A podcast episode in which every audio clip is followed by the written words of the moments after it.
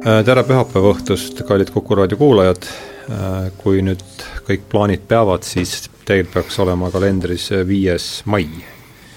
kell viis õhtul meile on siin parajasti jüripäev, eks vist või, kahekümne kolmas aprill. ja mul on rõõm tervitada siis äh, järjekordselt kahte saatekülalist Tähenduse teejuhtide mm, sarjas. tere tulemast, Eduard Parhomenko esimest korda Äh, sarjas ja tere tulemast, Ahto Lobjakas. sa oled vist juba kolmandat korda, kui ma õigesti mäletan. tere, see on suur privileeg oh,. No, ikka... jaa, ma ka samuti tervitan ja äh, tänan selle kutse eest ja vaatame, mis meil siis täna siin sünnib. jaa, eks minagi, et aga teeme viimasel ajal olen seda asja korraldanud niimoodi, et ma annan sa kõigepealt saatekülalistele võimaluse ennast tutvustada, et äh, öelge palun paari sõnaga, kes te olete, millega tegelete, kuigi noh, vaevalt need teie nimed siin väga tutvustamist vajavad, aga mine sa tea, meie see kuulajate diapasoon võib olla piis-, piisavalt lai, nii et ega see paha ei tee. ole hea, Eduard. jah, et mina õpetan Tartu Ülikoolis äh, filosoofia, ajaloo ja mõtteloo äh, õppetooli juures siis erinevaid äh, filosoofia aineid, eeskätt siis, mis puudutavad filosoofia ajalugu ja siis äh, kaasaegsemast ajast siis äh, äh, neid filosoofiaid ja neid filosoofe siis, kes on, kuuluvad fenomenoloogilisse traditsiooni, noh, nagu näiteks Martin Heidegger, Merleau-Ponty, Husserl, võib-olla rohkem filosoofia ajaloost siis eeskätt Kanti, ja nüüd siis on meil ka mõtteloo suund kujunemas ja seal siis tulevad äh, sellised õppeained, mis siis püüavad põimida äh, ühtpidi siis nagu Eesti mõtet ja mõtlejaid siis Lääne-Euroopa traditsioonidega, filosoofia traditsioonidega. Kui ma siin aeg-ajalt nüüd, ma ütlen vahele, et kui ma siin aeg-ajalt päädi näpin, siis ma ei käi Facebookis, vaid üritan mingeid selliseid Vikipeediast ennast järele harida, et et äh, eks me siin kõik sahistame paberitega, et äh, Ahto, ole hea sinu kord. mina olen paarkümmend aastat vabal ajal Heideggeri lugenud, ega mul selle saate kontekstis muud ei olegi pakkuda. ja, ja äh, siis nagu Ahto oma tutvustuses andis juba kerge vihje, on see siis põhjus, miks me oleme täna siia kolmekesi stuudiosse kogunenud, Tartu, Tartu Kuku raadio Tartu stuudiosse, on see, et me tahamegi rääkida Martin Heideggerist. ja Eduard eile saatis meilis, küsis veel üle, et mis, mis võiksid need küsimused siis olla, millele me keskendume ja, ja ma vastasin, et laias laastus on kaks küsimust, millele ma tahaks äh, lihtsalt äh, teiega nõu see natukene saada ise selgemast äh, asja, et et on mul meeles siis niisugune lause, et Heideggerile omistatav mõte, et, et lääne filosoofia on läinud ummikteele juba alates Sokratesest, et kui saaks sellele mm, kaugem eesmärk, see, mis selle, millele siis see saade võiks aidata nagu vastata ja teine mõte või mõte, mis mulle tundub ja see ei ole ka muidugi üldse nagu originaalne, et et filosoofia ajalugu on mingis mõttes niisugune temperamenditüüpide äh, vaheliste niisuguste vaadete ajalugu ja et ma tahaks nagu sotti saada ka sellest, et mis, millisele isiksuse tüübile pakub Heideggeri filosoofia lohutust ja, ja noh, jah, eelkõige lohutust. et, et võib-olla need kaks oleks, kaks teemat oleksid sellised, millele ma tahaks, milles ma tahaks nagu ise kauge sellist selgust, aga aga, aga räägime kõigepealt mehest endast ja tema siis filosoofiast ja ja, ja alustame võib-olla veel päris kaugelt, et teeks esimese küsimuse selles, et milles teie üldse näete praegu, ka praegu ja üldse, milles seisneb üldse teie arvates filosoofia ülesanne, miks te ise filosoofiaga tegelete, miks võiks sellega tegeleda, et äh, teeme avaküsi-, hakkame äh, avaküsimusega sealt pihta, võtame Eduardist. jah, äh, ühtpidi justkui nii-öelda küsimus, mille üle pidanuks mul nüüd juba olema aega eh, elu vältel piisavalt järele mõtelda ja ka võib-olla selliste selgemate vastusteni jõuda, aga eh, kui nii otse küsida, siis ega ei oskagi öelda, aga vastused on mitmed, eks filosoofia annab võimaluse järele mõtelda nii iseenda üle kui ka maailma üle. muidugi on ka teisi ala, teadmisalasid ja, ja selliseid vaimseid praktikaid, mis, mis pakuvad selleks äh, võimalusi, aga need on äh, teistlaadsed. Äh, mu sõber ülikooli ajast, Peep Müüls, kellega me siis, kui ülikooli raamatukogu toona kell kümme kinni pandi, siis veel äh, Äh, kõndisime ja suundusime näiteks äh, jah, ühikate poole, äh, siis tema kasutas sellist ütlemist, et seoses filosoofiaga, et nagu mõtlemise mudas mõnulemine või vot filosoofia on selline, ma, ma kasutaksin Peebu sõnu, et filosoofia on mõtlemise mudas ja pangem siin tähele seda sõna muda, eks ole, siin ei pruugi midagi selget olla, eks ole, mudane, hägune, aga mõtlemise mudas mõnulemine, vot filosoofia ongi mõtlemise mudas mõnulemine, see oleks üks selline vastus, võimalik vastus. väga poeetiline, väga hea. Mul ei ole midagi nii poeetilist öelda, ma kunagi ka väga ammu Tartus käisin Tõnu Luige loengutes, ma õppisin sotsioloogiat.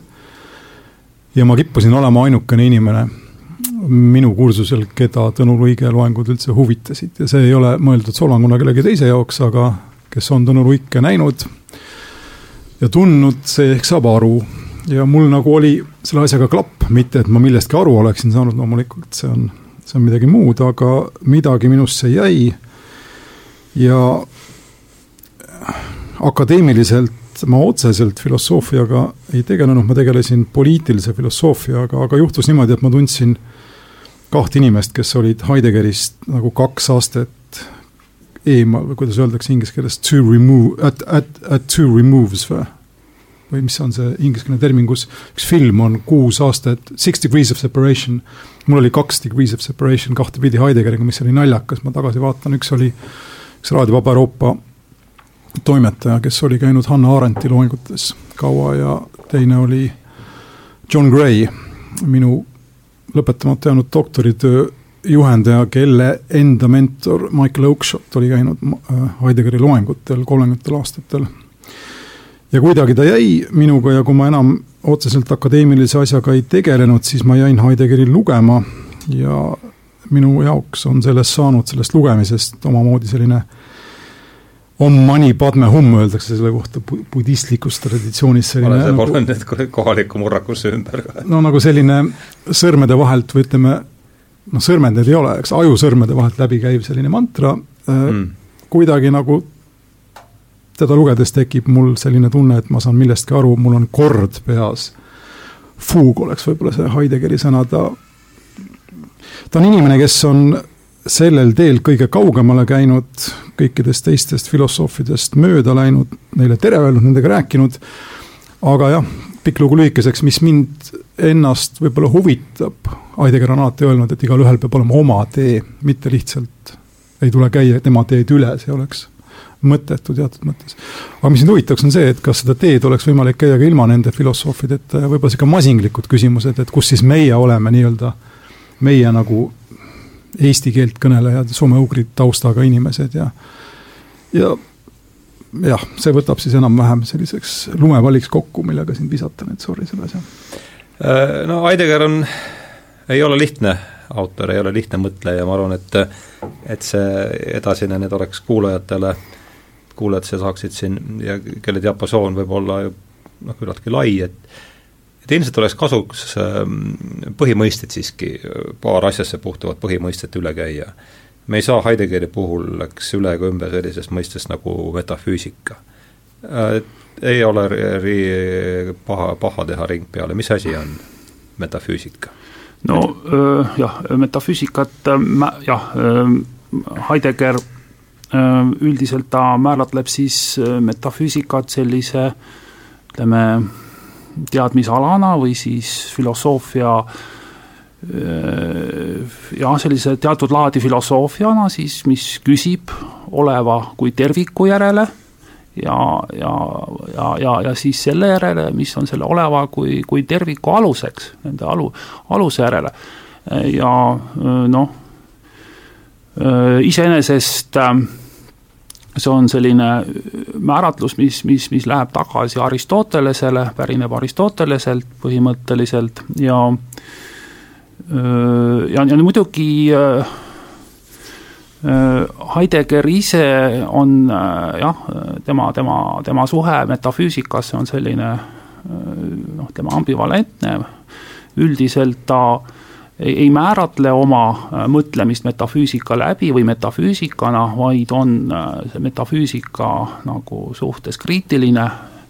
või siis ta nii-öelda püüab väljuda metafüüsikast. Äh, aga ta põhimõtteliselt äh, käsitleb kogu seda õhtumaist äh, filosoofiat, noh, mis saab aluse seal Vanas-Kreekas, niimoodi, et, et, et see, see on siis see metafüüsika, mida, mida, mida noh, millest on jah, noh, millest on vaja siis nii-öelda väljuda või, või jah, aga kui nüüd Heideggeri enda mõtlemisest rääkida, siis Äh, siis jah, kõige jah, ta ise, kui, kui lähtuda tema end-, temast endast ja ütleme, tema, tema põhiteostest, siis ütleme, olemisest ajast, siis eks ole, tema äh, tema Heideggeri mõtlemine on kantud olemise küsimusest või siis, kui võtta olemise aja, see on siis Heideggeri peateose järgi äh, aastast tuhat üheksasada kakskümmend seitse, siis seal ta määratleb nagu oma mõtlemise põhiküsimusena Äh, küsimuse äh, olemise mõtte või siis tähenduse järele, nüüd oleneb seda, kuidas me saksa keeles seda siin tõlgime, nagu äh, nagu Seinsfrage või siis die Frage nach dem Sinn von Sein, nagu ole, olemise mõtte või siis tähenduse järele. hiljem ta nagu, tal see küsimus siis mõneti teiseneb kusagil kolmekümnendatel aastatel on, on tal juba pigem äh, see olemise küsimus omandab sellise kuju, et ta hakkab küsima olemise tõe järele, nüüd on muidugi küsimus, mida siin see tõde tähendab, selle, sellel tõel on tal siis Heideggeri järgi ka, eks ole, et see on,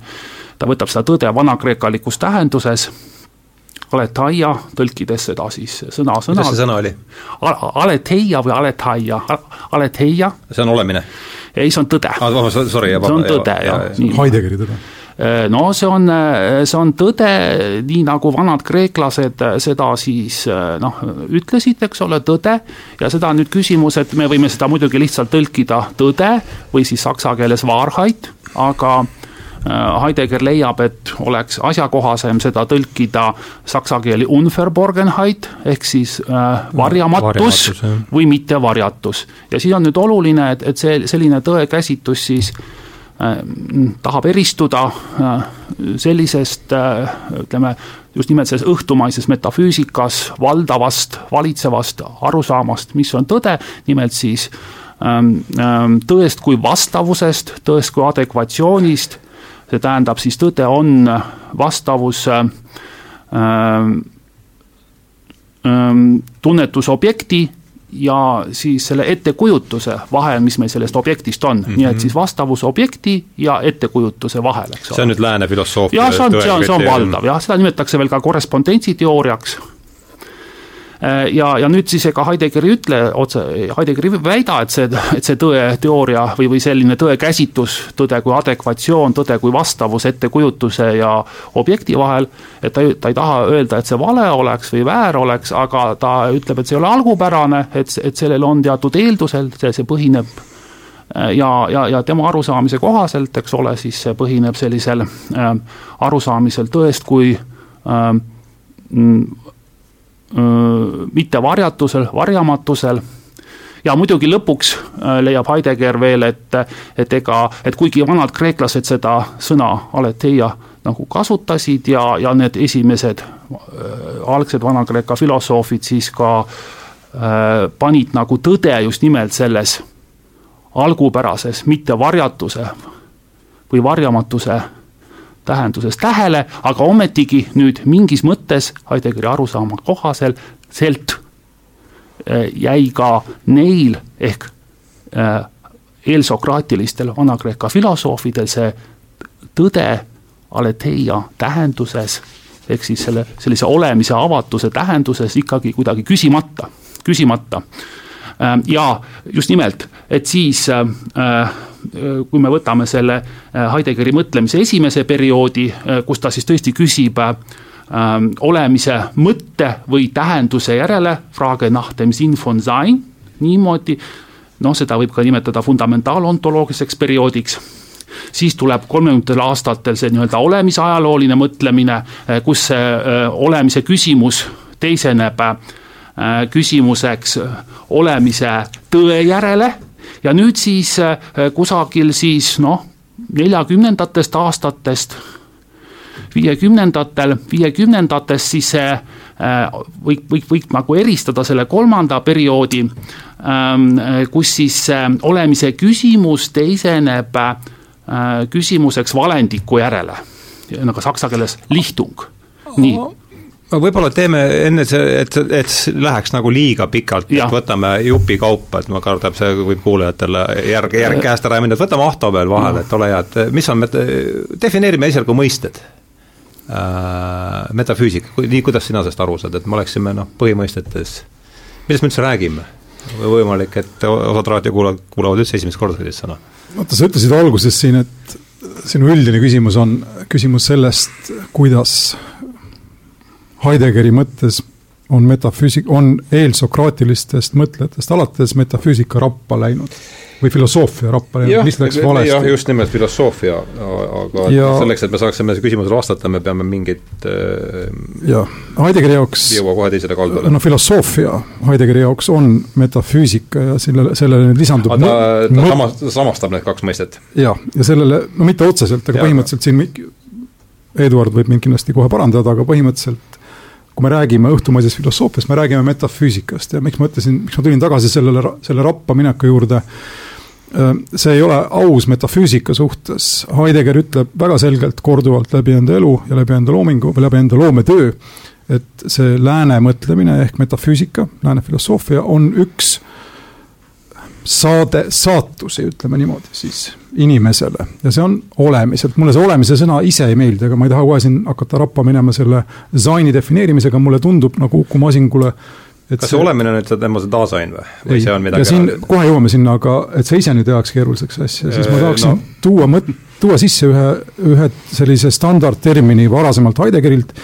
mis aitab ehk mõista seda, mida ma püüan öelda, selle termini, see termin on ontoloogiline erinevus või ontoloogiline diferents. ühel pool, ja see on siis metafüüsika, on põhimõtteliselt filosoofia katsed aru saada olevast tema enda baasil, oleva olemisest, mis ta selline on, kuidas ta on ja need on kaks nagu põhilist moodi, mis ja kuidas ta on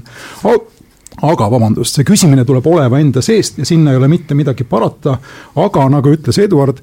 selle küsimise nii-öelda eelduseks, mille taha ei ole suudetud metafüüsikas minna, on see, kust on see zain või see olemine või mis ta on või kust tema on pärit. mis on olemise allikas? kui sa ole, ole, oleva seest küsid, siis sa võid ainult küsida nii-öelda teiseselt, kolmandajärguliselt, neljandajärguliselt ja nii edasi, sa oled suletud teatud mõttes äh, sellesse süsteemi ja noh, Heideggeri nagu ma nüüd lihtsustan siin brutaalselt, aga Heideggeri vaatepunktist see,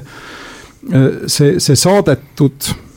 ütleme noh, olev ja olemise mõistmine, mis meil siin on, on tegelikult mitte halb, aga ta on piiratud, kõik olemismõistmine on piiratud, ta on üks võimalus olemist mõista, aga kui sa oled korra juba astunud sellest zainist või sellest olemise allikast välja, siis kõik, mis sul on, on piiratud öö, valguseks, seesama lihtung, sa oled vältimatult piiratud maine olend ja kui sa, ühesõnaga see, mida tegid eelsokraatikud mitte valesti ega õigesti, oli see, et nad fikseerisid selle, mida nad nägid, nad fikseerisid oleva, nende jaoks olev oli defineeritud esma, esmajoones sellest, mis ennast ilmutas. ilmutas ennast noh, aja, aja ilmutas ennast subjektile? aja möödudes, ei, mitte, kreeklastel ei olnud subjekti ega objekti, aga mis ilmutas ennast, oli alguses noh, mida see, ühesõnaga, mida midagi endast alguses kujutas ja mida kauem ta oli paigal, mida selgem ta silmale oli, seda kergem oli tema kohta asju öelda, nii et teda fikseeriti teatud mõttes. ja metafüüsika ongi see fikseerimise nagu kivinemise protsess, kui ma nüüd tohin veidike lihtsustatult öelda, mis põhimõtteliselt kirjeldab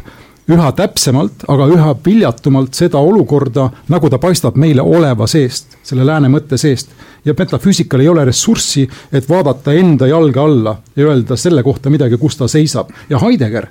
läheb, üritab metafüüsikast välja saada, nagu ütleb Eduard, ja püüab seda teha, aga ta annab endale aru alguses, keskel ja lõpus, et tal on ainult need sõnad, ainult see keel sisuliselt, eks, mis on kasvanud välja sellest lääne metafüüsikast ja on kohutavalt raske, kui mitte võimatu hüpata sellest välja ja tulla tagasi, vaadata uue keelega ja siis on sul muidugi noh, reaalne, tähendab vältimatu see oht, et sa oled üksi. et see, mida sa siis ütled, sellest ei saa, ei saa mitte keegi mitte midagi aru. Kas see ütleb sulle nüüd midagi, annab sulle mingi pildi juurde? ütleme sinna Saeveski filosoofil on siin kõvasti nüüd nuputamist, aga eks ma üritan edasi küsida, et Eduard, ole hea äh,, äh, äh ikkagi üks koht, kus ma jäin nüüd selgelt hätta, on see, et äh, sa ütlesid, et ole äh,, läheme liigume siis edasi praegu selle, noh, see võtmemõiste, mis siit käib nüüd läbi ja ma tahaks tulla, tegelikult tulla selle fenomenoloogide poole ka tagasi, eks, aga aga hakkame siit sellest esimesest ringist jäi see sõna, mis Heideggerist, mille puhul või milles, millest ei saa Heideggeri juures ega üle ega ümber, on seesama olemine, eks ole. et nüüd äh, ja siin on ka erinevad need olemise varjundid ju, et taasain ja sain, et ja, ma arvan, et on ja. üli, ülioluline, et teeme palun ja. niimoodi ja. Eh, lühidalt, et, et põhimõisted jällegi defineerib, muidu me ei no saa äh, neid äh, jah, et äh, siin väga, väga lühidalt mitte, mitte paari sõnaga. väga, väga lühidalt siin ei saa teha, eks ole, ja ähm, ja muidugi siin, eks ole, nagu jah, et kui tahta väga lühidalt, siis on, võib tõesti öelda, et noh, et mis, mis noh, millega nagu,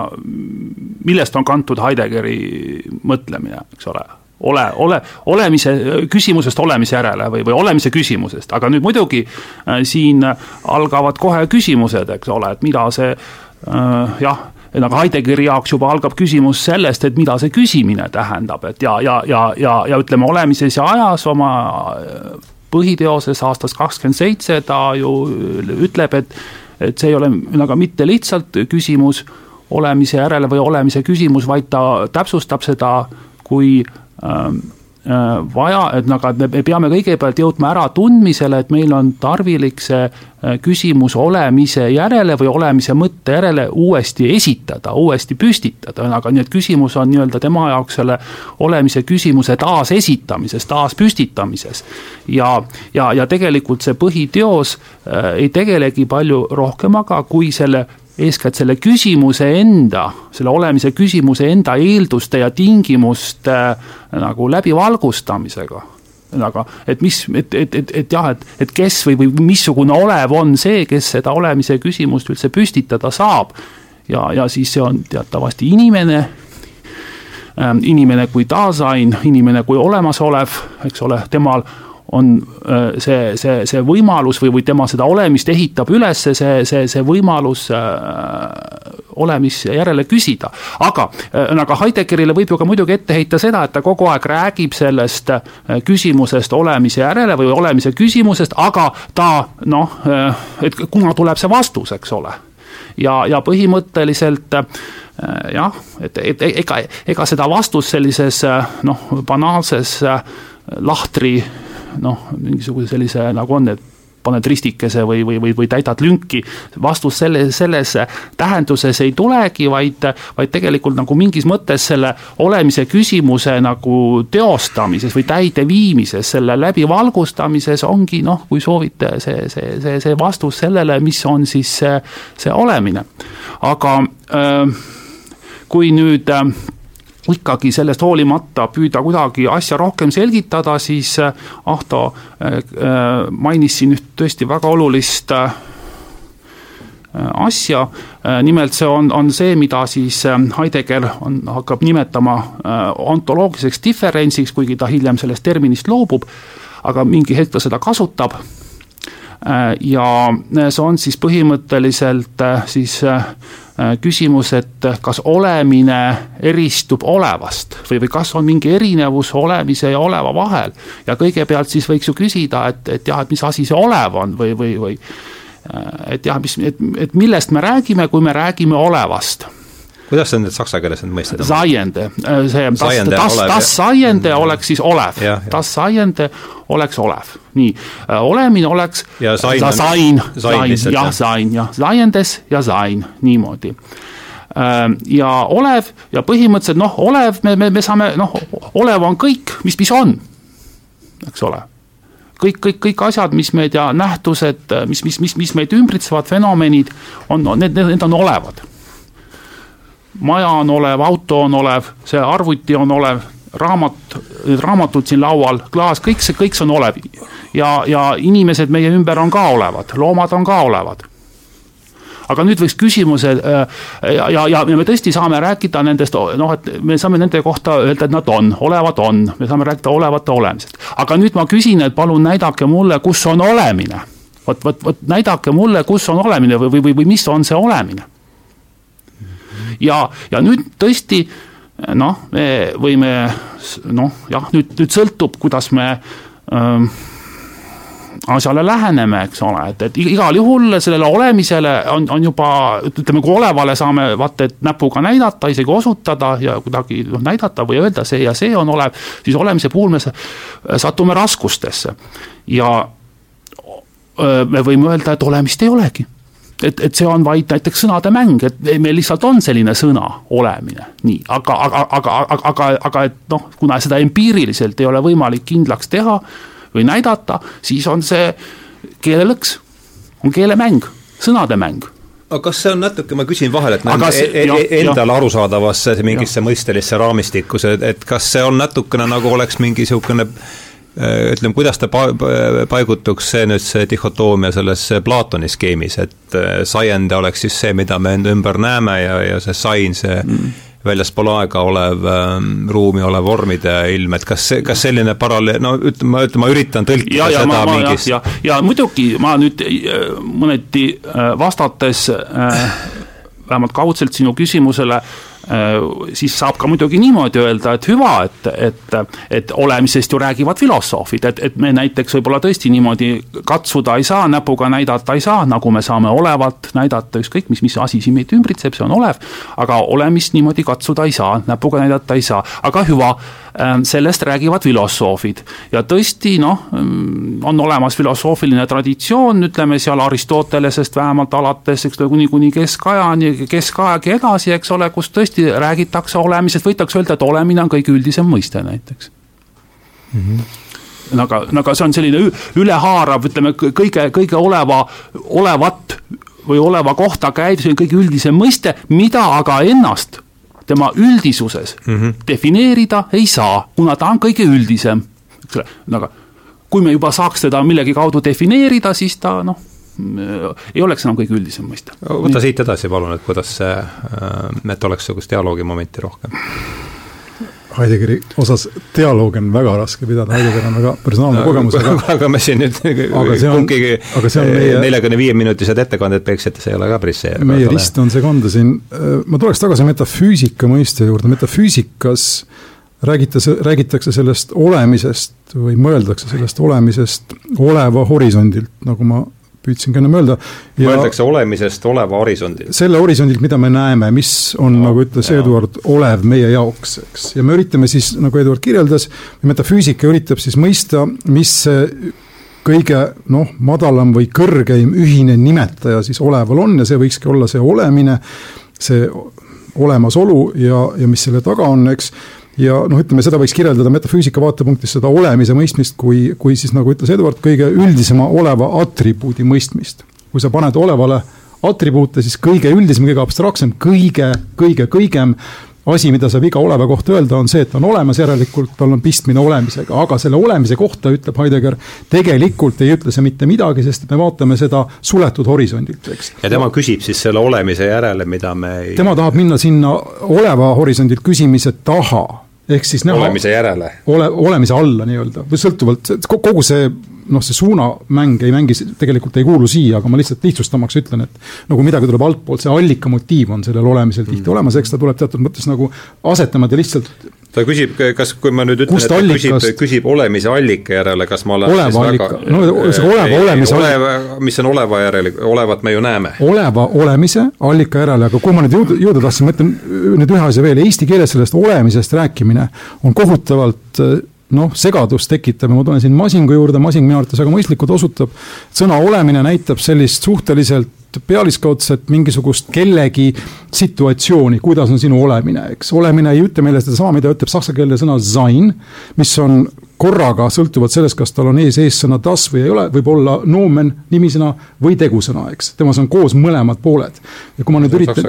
täpselt, eesti keeles olemine seda tähendust ei kanna ja mul on selle sõnaga olemine probleem, ma arvan, et see on kehvalt tõlgitud, ma ei ole kindel, et see design võiks olla elu, nagu tahab öelda Masing, see on nüüd omaette teema. aga mida ma tahan, kuhu ma jõuda tahan, on see, et metafüüsikas saksa keeles on selle sõnaga opereeritud väga kaua ja Heidegger lähtub nii metafüüsikast kui ka saksa keeles selle sõna kasutamisel ja siis teeb ümber need tähendused. aga ta on võlgu metafüüsikale ja, ja, ja traditsioonilisele filosoofia keelele, ta on äh, koos nende, koos selle keelega siis võlgu ka teatud mõttes sellele disainile või olemisele, mida ta ei suuda nende sõnadega kirjeldada nii, nii nagu ta tahaks. aga eesti keeles ma ütleksin, kui ma nüüd, see on väga brutaalne, eriti akadeemilise filosoofi juuresolekul, eks, kui me eesti keeles tahaksime mõista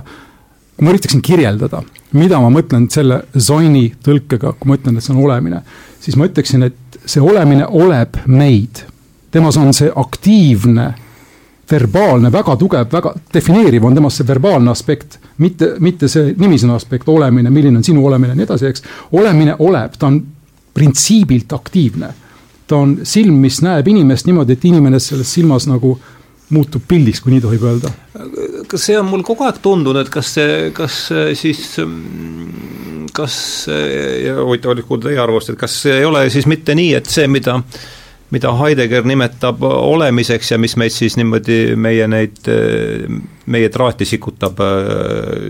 laias mõistes meie traati, et kas see pole mitte see, mida siis traditsioonilistes religioossetes süsteemides on jumalaks nimetatud, et mida me sii-, kuidas siin see mis vahet te siin näete? vot, aga ma siis, et, et kuidagi see metafüüsika küsimus ja, ja olemise jutt, vähemalt nii, nagu ma seda püüdsin esitada, kuidagi veel kokku võtta vahepeal, siis ma ütleks seda, et siis Heideggeri äh, nagu äh, küsimus või, või, või probleem ongi selles, et senine filosoofia ja mida ta siis tõesti nimetab ka metafüüsikaks, vot senine filosoofiline traditsioon äh, nagu ei äh, äh, nagu käsitleb olemist olevalt või, või, või, või, või nagu mõistab olemist olevalt, aga ta, et ähm, see tähendab seda näiteks, et et, et noh, et jah, et äh, noh, et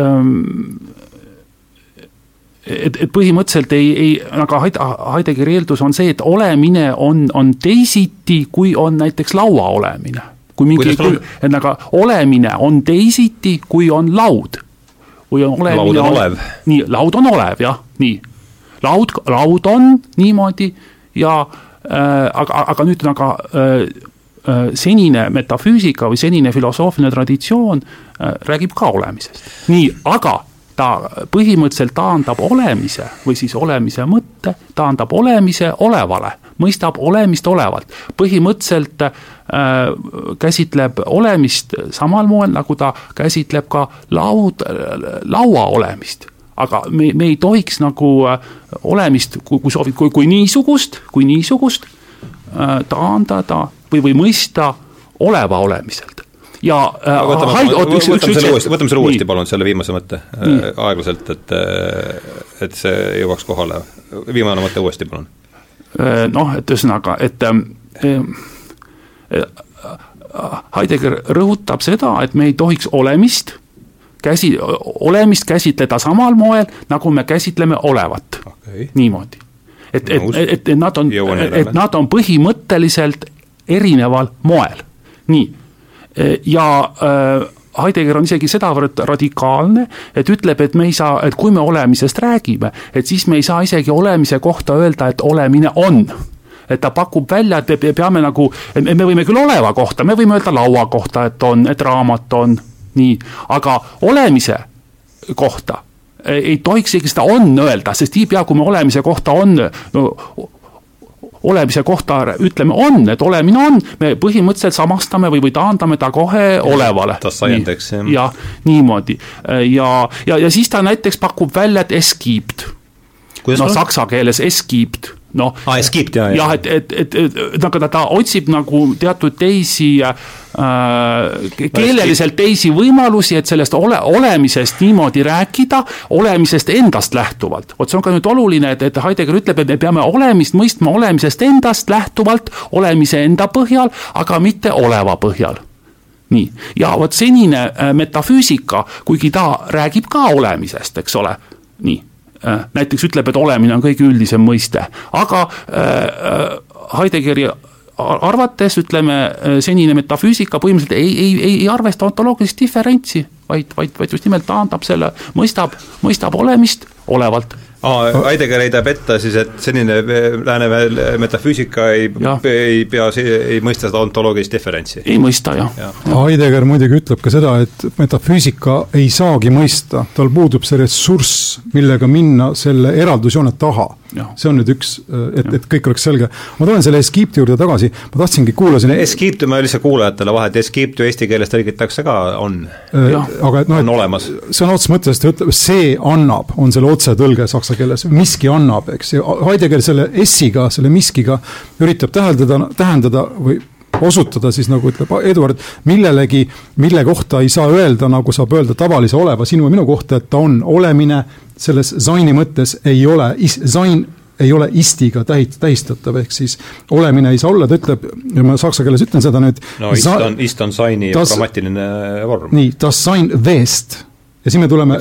Weseni, sõna Wesen juurde, mis on otse, otsetõlkes, ma ütleksin loomus võib-olla Heideggeri pinnalt või isegi ükskõik, see ei mängi rolli. aga siis see Zaini olemise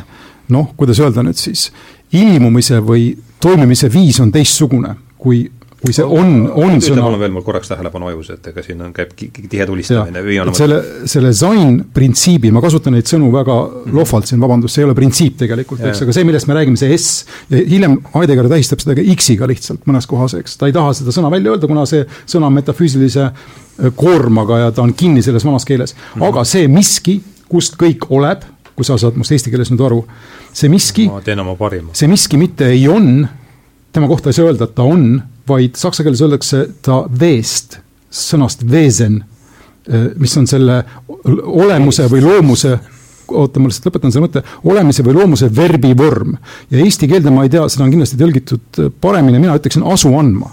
ehk siis Zain annab asu. Ja siit me jõuame nüüd edasi, ma lihtsalt panen selle sulgudesse selle mõtteni, et kui korra, korraga, korra on antud olevale asu, siis olev võib seda asu nii-öelda valesti kasutada või minna sellelt teelt kõrvale, tekib unwesen, eks, mis on ka saksakeelne vanasõna, mis ütleb, et midagi ei ole nii, nagu ta peaks olema. ja metafüüsika ongi õilsast algusest pärit noh, ütleme oleva kogum, mis tänu inimese olemis kaugenemisele, pidevale kaugenemisele sellest sainist mõistab või mis ühe, ühesõnaga on üha vähem öö, olemisega ühendatud, kus inimene lõpuks lihtsalt on see, kelle kaudu olevat üldse mõistetakse või ole, ütleme, inimene mõistab olevat ainult läbi selle, mida ta ise oskab näha ja nii-öelda kindlalt määrata see, siin, siin tuleb see määramiskindlus sisse, tõde kui määramiskindluseks lõpuks. ja see kõik tähendab seda, et see algne impulss, see X või S või mis iganes, on täiesti jäänud horisondi taha, on jäänud unustusse ja inimene on unustanud, et ta on unustanud olemise ma ei tea, kui, kui selge see nüüd on, aga see erinevus oleva ja selle X-i või S-i või selle jah, see selle, selle kahe, on... kahe erineva abstraktsiooni taseme mõistmed, eks. aga nüüd ma lisan sulle ühe lause ja siis ma äh, enda pika jutu lõpetan ära, sa alustasid Jumalast ja see on sinu katse mõista seda, nagu sa ütlesid, oma horisondilt praegu no,. nojah, eks ma püüan ju tõlkida oma, endale arusaadavusse. ja nüüd Jumal on Heideggeri järgi selles õhtumaises traditsioonis öö, oleva või selle mida inimene näeb, eks, kõige rahuldavam, mingil etapil, mingi, mingis epohhis kõige rahuldavam seletus aga ta on ikkagi selle seest seletatud. et, keegi lükkas selle palli käima, järelikult on habemega vana mees, eks. aga iseenesest see on tuletatud no see on niisugune metafü... bit, bitstrupi tõlgendus. nii, aga see on tuletatud metafüüsika seest Heidegger ütleb, et selline jumal ei ole jumal, temas puudub igasugune iseseisvus ja ei jah, tõesti, kui selle nüüd jumala küsimuse juurde tulla tagasi, siis tõesti, eks ole, et näiteks äh, noh, Kanti järgi on, äh, nagu kui ta räägib puhta mõistuse ideedest, eks ole, siis ideed, ta eristab seal kolme ideed. Need ideed on äh, sellised ähm, noh, kõige üldisemad ettekujutused, mis meil üldse olla võivad, et ettekujutused totaalsusest, niimoodi, totaalsusest. ja äh, see on siis psühholoogiline idee kos-, kosmoloogiline idee ja teoloogiline idee. ja psühholoogiline idee käib siis nagu subjekti kohta. ole hea, ütle veel, Kanti need on, mis, mille klassifikatsioon see Need on siis, Kant räägib kolm, puhta mõistuse kolmest ideest. puhta mõistuse puhta, puhta mõistuse ideed, need on kolm ideed. ja öö,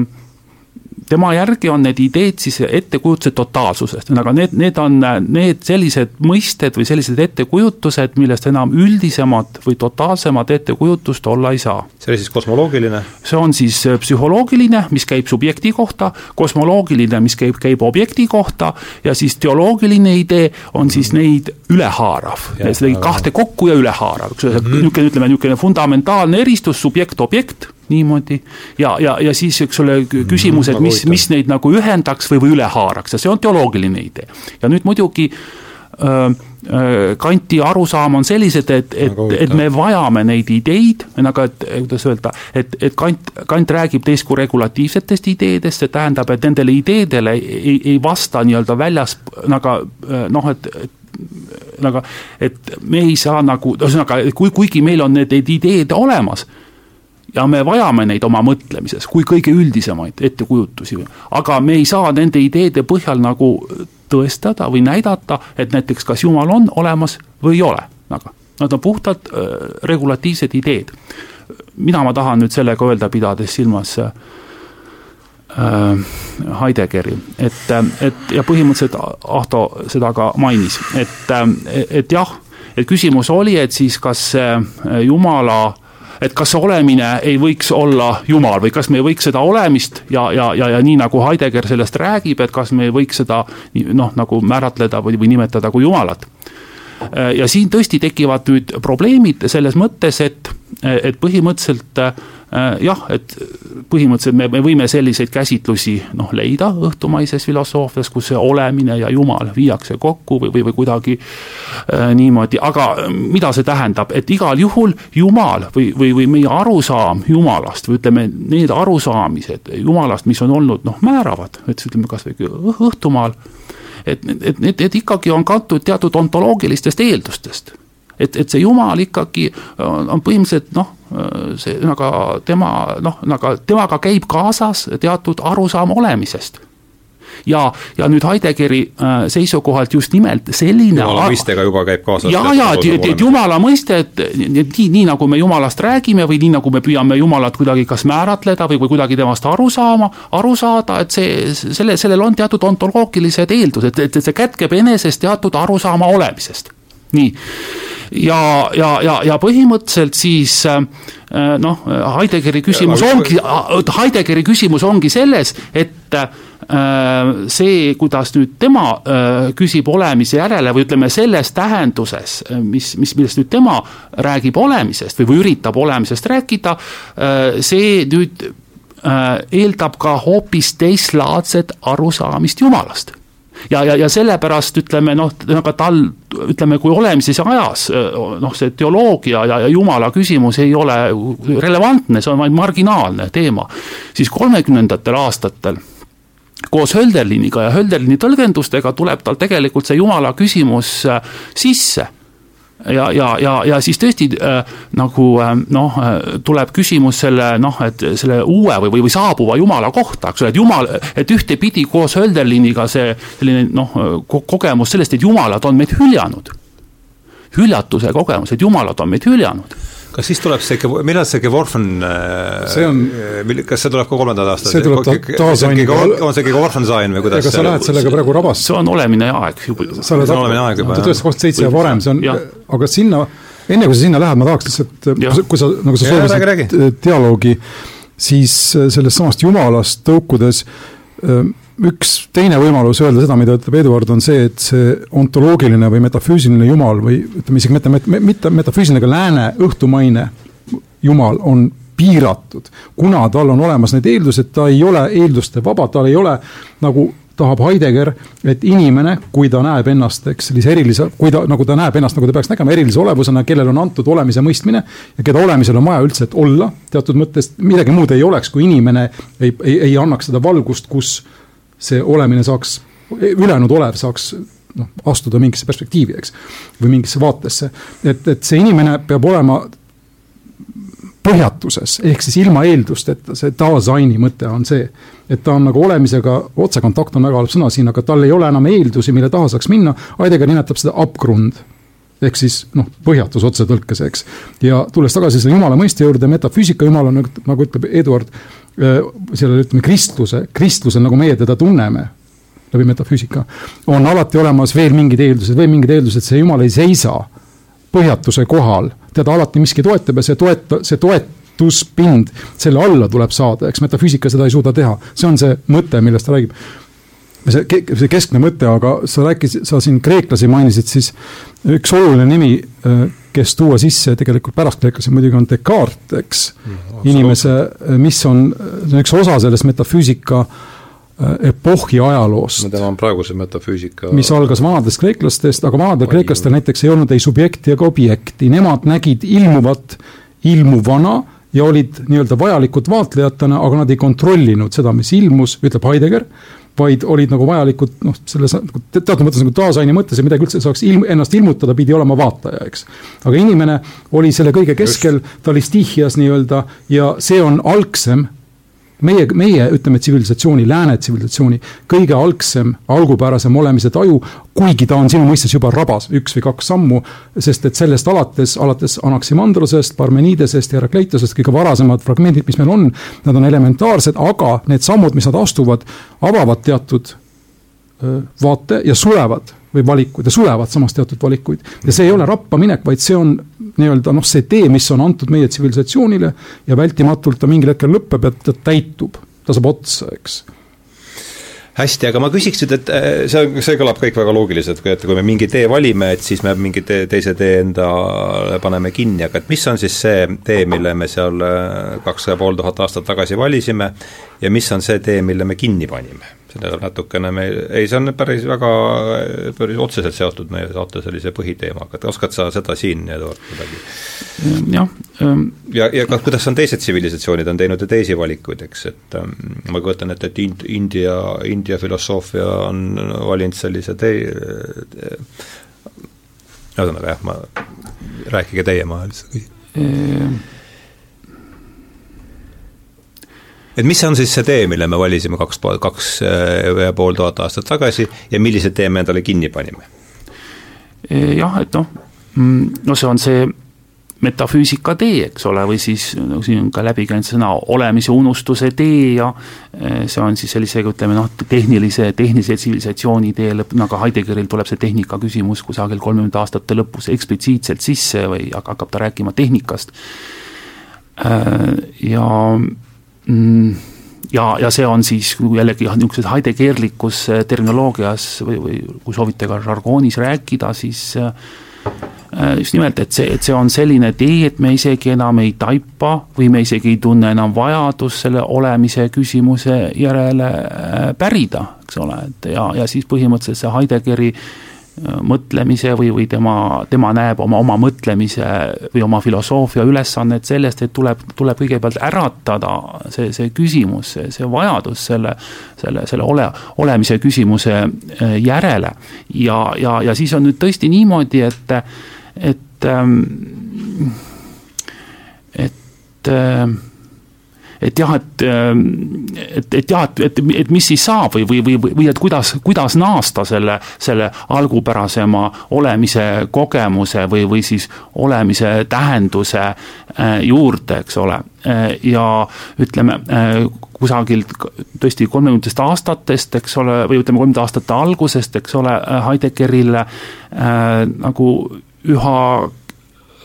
kesksemaks tõuseb selline nagu ma ütleksin, niisugune ajalooline lahendus või, või, või, või ajalooline nägemus sellest, eks ole, aga et ja, ja, ja ta põhimõtteliselt leiab, et tuleb nagu äh, naasta selle õhtumaise filosoofia alguse juurde, vanade kreeklaste juurde. ja alguses ta, ütleme tõesti seal kusagil kolmekümnendate aastate jah, esimesel poolel või, või jah, esimesel poolel ta, ta nagu tõesti räägib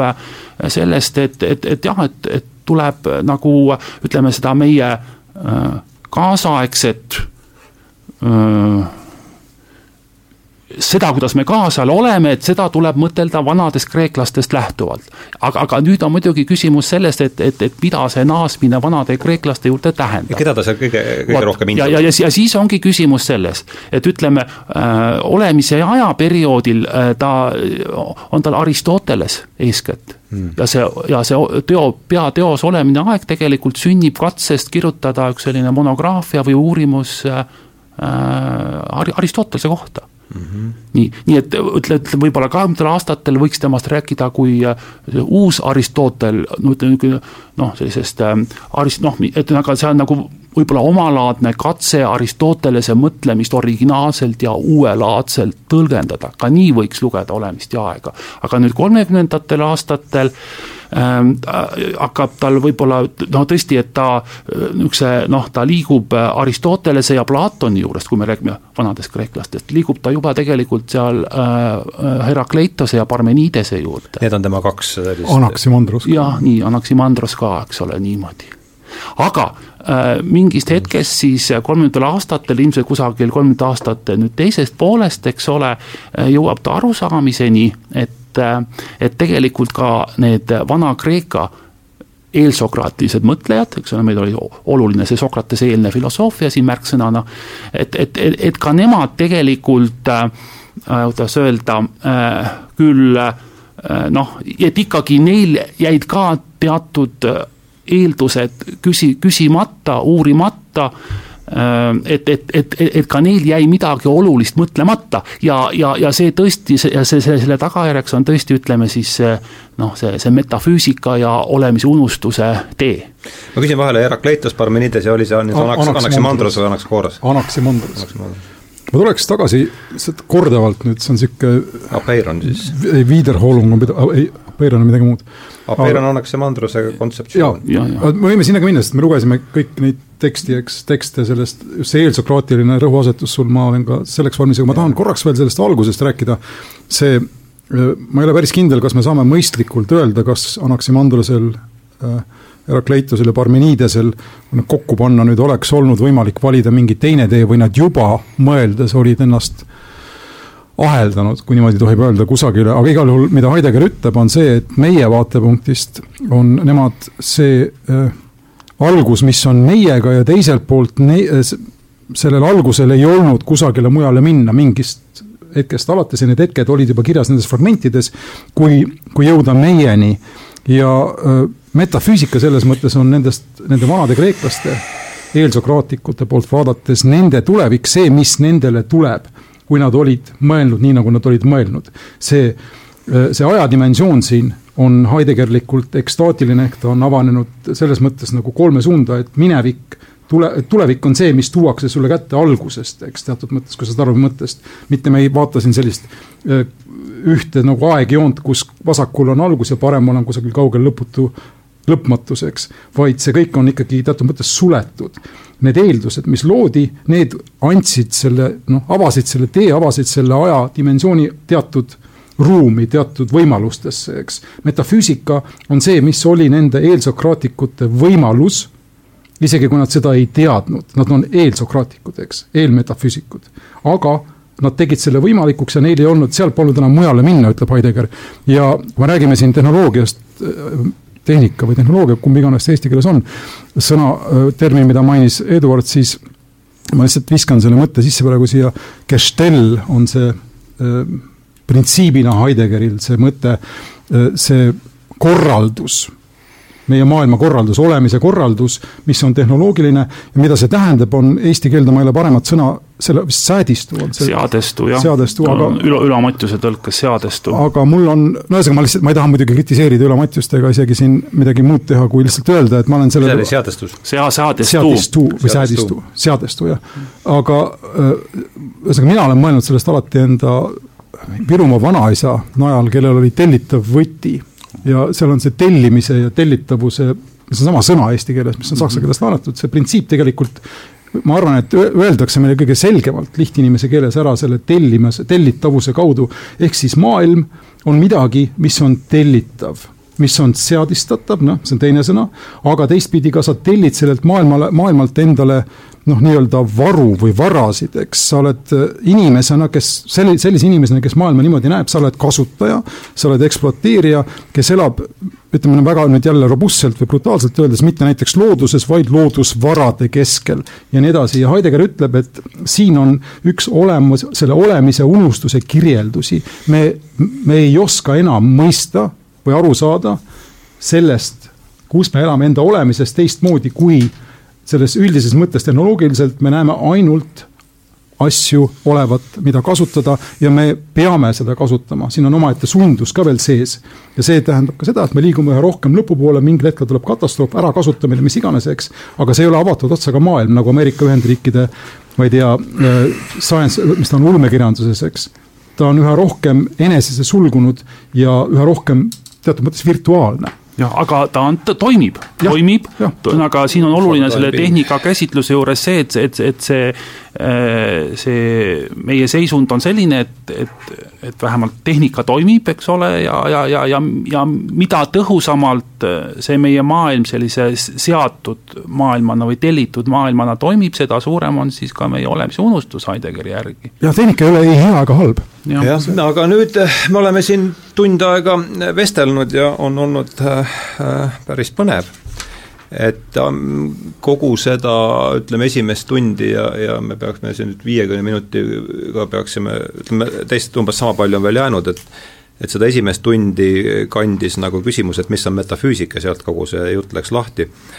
et äh, Eduard äh, oma tutvustuses või siin üsna alguses tõi sisse ka sellise mõiste nagu fenomenoloogia, et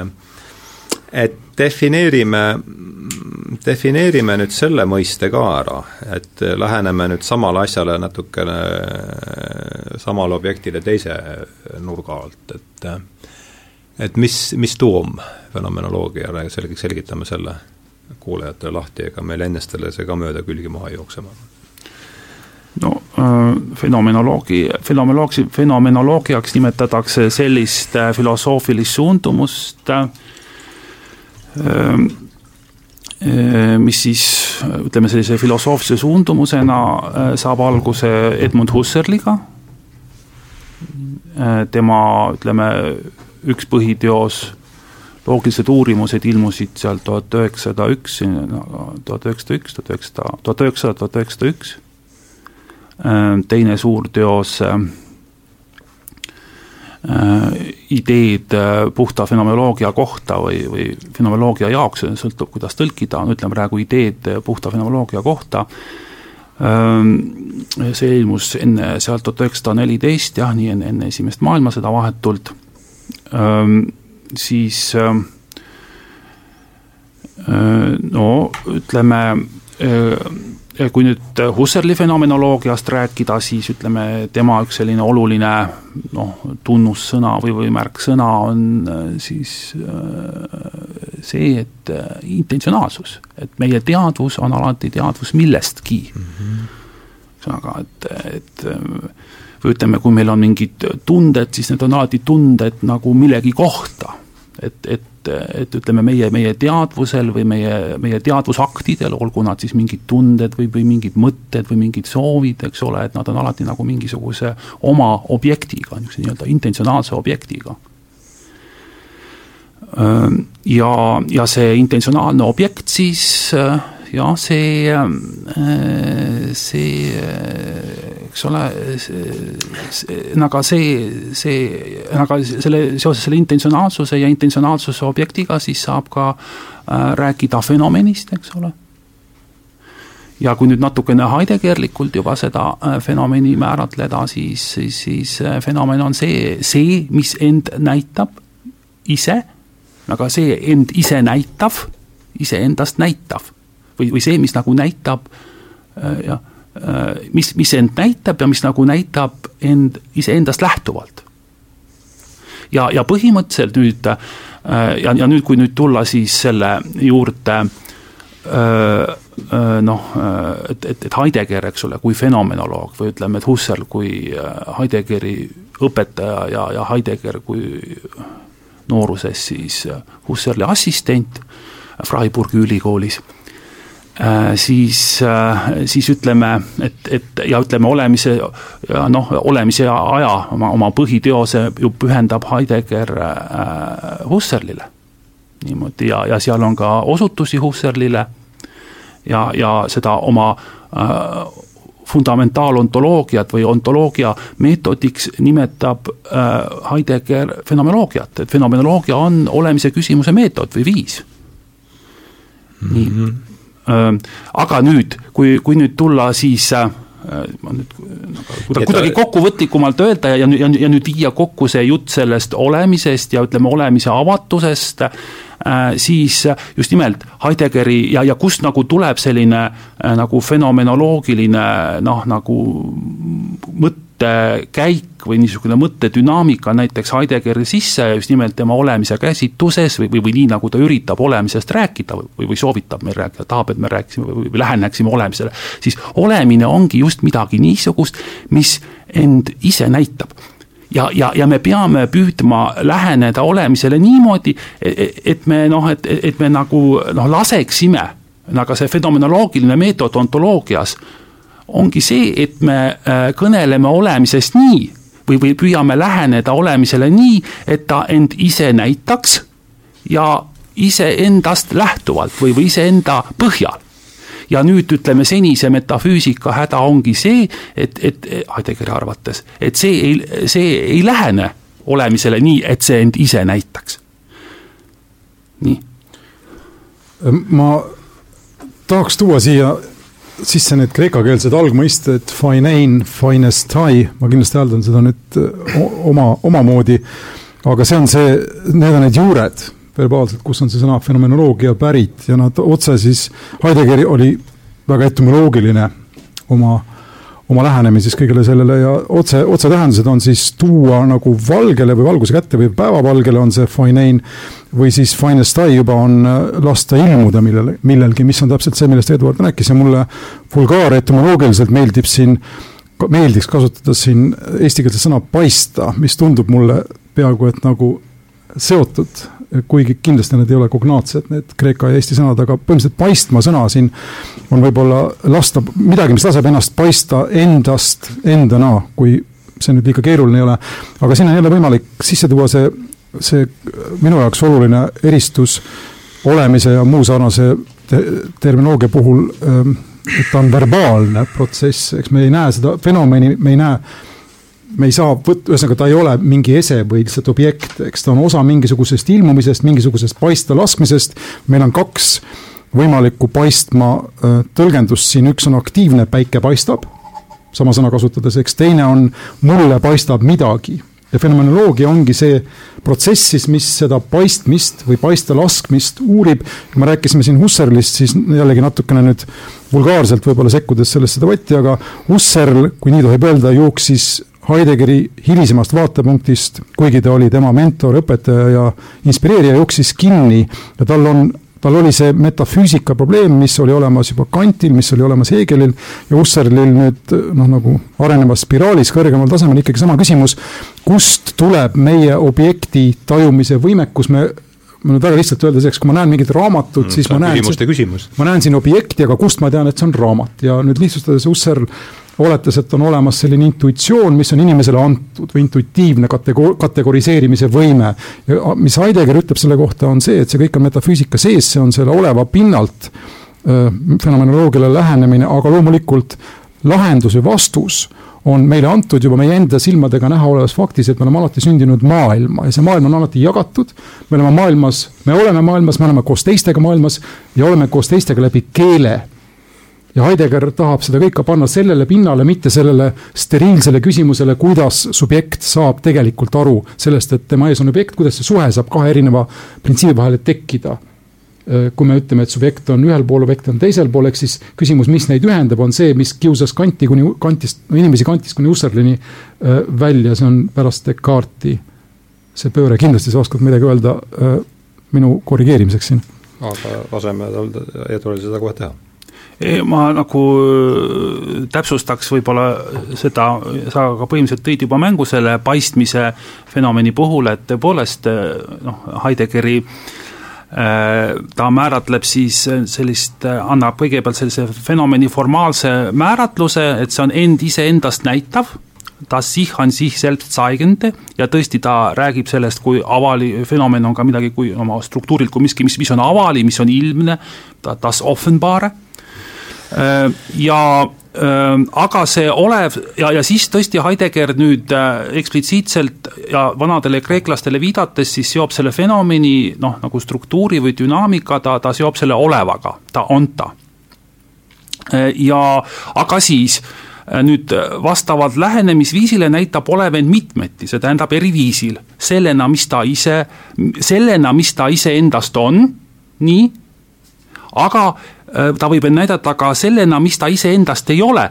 ja Heideggi järgi, kuidas ta end paistab ta näitab end nii, nagu ta no, näitab end teatud paistvusele. Shine. Shine just nimelt jah, nii et see paistvuse mõiste tuleb mängu ja nüüd äh, veel, veel avaramalt äh, peab võimalikuks Heidegger rääkida fenomenist ka selles tähenduses, et, et fenomeni mõistesse kuulub avaramas tähendus, tähenduses ka see enda mittenäitamine ja seda ta nimetab siis saksa keeli Erscheinungiks või nähtuseks. ja, ja nüüd tõesti, äh, vot selles äh, äh, äh, nii nüüd nagu Heidegger olemises ajas seda fenomeni mõistet nagu avab siis see kätkeb eneses selle, selle varjule jäämise võimaluse ja, ja Verborgenheit siis või? jah, põhimõtteliselt ja ma loeks isegi ette sellise ja, ja nagu selle oma noh, ütleme olemise aja alguses ta tõesti ähm, nagu esitab sellise fenomeni formaalse mõiste ja, ja, ja siin ta jõuab lõpuks sellise fenomenoloogilise fenomeni mõisteni. ja nüüd on huvitav, äh, noh, ma loen selle korra ette, nii, et, et mis siis on fenomen ilmselt see, mis end esmalt ja enamasti ei näita. mille suhtes, mis selle suhtes, mis end esmalt ja enamasti näitab, on varjul. on aga ühtlasi miski, mis olemuslikult kuulub selle juurde, mis, on miski, mis olemuslikult kuulub selle juurde, mis end esmalt ja enamasti näitab nimelt nii, et moodustab tema mõtte ja aluse. ühesõnaga, äh, kuigi nüüd selline fenomeni põhistruktuur on see, et, et see on miski, mis end ise näitab ja endast lähtuvalt, siis nüüd Heidegger loeb sellesse fenomeni mõistesse sisse ka ütleme sellise noh, varjule jääva, varjatusse jääva ja see varjatusse ja varjule jääv see, mis end, end, end näita-, kas, mis end ei näita või näitab end millegi muuna, vot, vot see osutub selle, sellele, mis, mis, mis, mis nagu end näitab, noh, või, või sellele, mis, mis end esmalt ja enamasti näitab, nagu aluseks. Nii et, et, et ühesõnaga ma, ma tahan nagu öelda seda, et, et, et see noh, kui Heideggeri fenomeni mõiste on selline, et ta noh, just nimelt nagu seletab ära ka selle või, või õigemini teeb võimalikuks ka selle, millest me rääkisime kui olemise unustusest, eks ole. Kas ma, kas ma tohin jah, natuke vulgariseerides lihtsalt ümber öelda seda, proovid ümber öelda, mida, mida ütled sina. Ja äh, mõeldes ka siin Hardole, kujutades et-, kujutades endast teatud vahevarianti nagu teie kahe vahel siin, siis kui me läheme tagasi selle zaini või olemise juurde, ähm, millest me siin juba rääkisime, eks siis äh,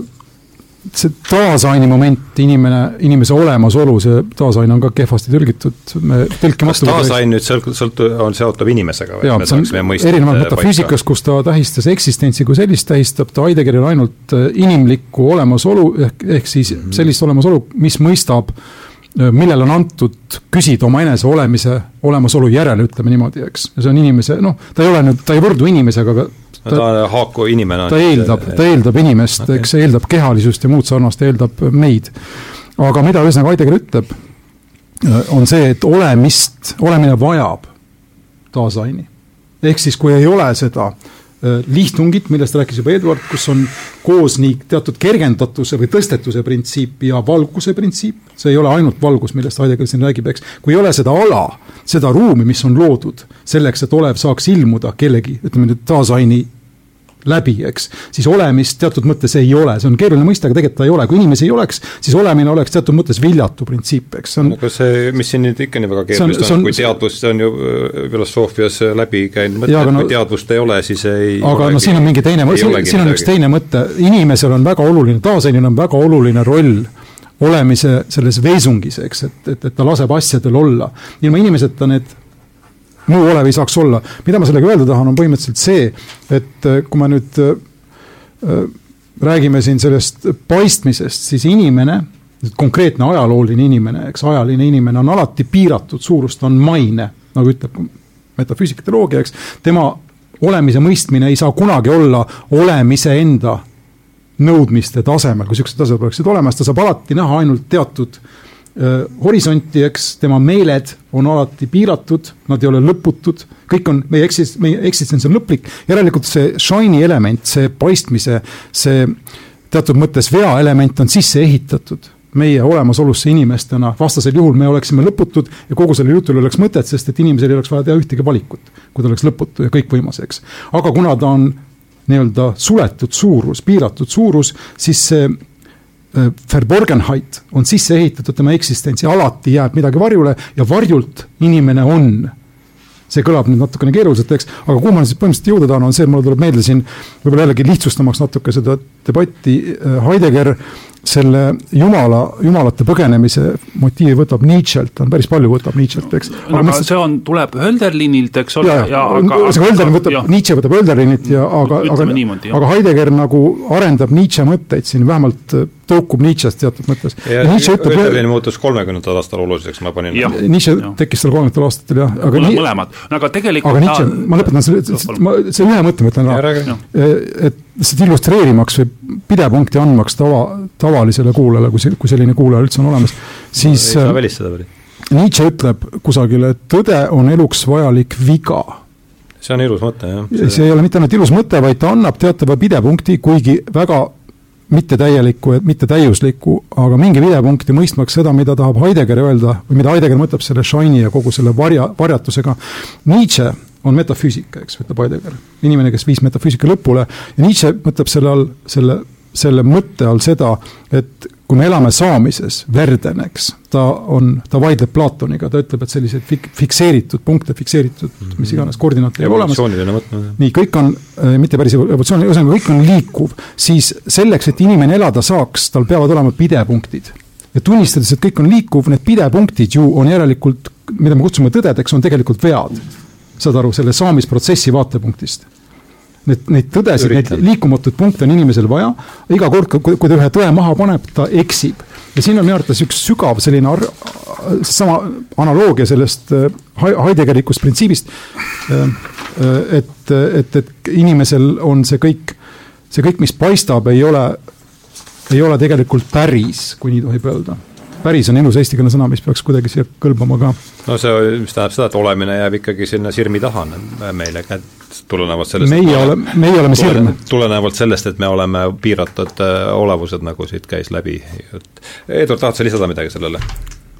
siin on täpselt olemas need vastasel mul oleks kohe küsimus olemas, kui sa lisada ei taha. jah, ma praegu ei lisa midagi. ma tuleks sellesama sinu fenomeni äh, mõiste juurde et ma üritasin sellest ka nüüd sotti saada, et kas ma saan nagu, panen ma väga mööda, aga ma ütlen, et et selles fenomenis on nagu sain ja saiende on koos või? selle sinu jutu põhjal ma sain nagu, et ühest küljest äh, ilmneb see, mis on olev, aga, aga ka see, mis siis jääb sinna. jah, vot ühesõnaga jah, et kui me nüüd praegu alguses hakkasime rääkima ko-, üsna alguses kohe sellest ontoloogilisest diferentsist ja, ja rõhutasime seda, et, et siis jah, Heideggeril on oluline nagu rõhutada erinevust olemise, sulgudes kui niisuguse, ja, ja oleva teiselt poolt vahel, siis selles, sellisel juhul, kui nagu selle juurde jääda lihtsalt, siis võib Heideggerist üsna niisugune platonistlik mulje jääda, eks Just. ole, et nagu niisugune väga, väga, väga niisugune dualistlik, platonistlik mulje aga äh, Heideggeri nagu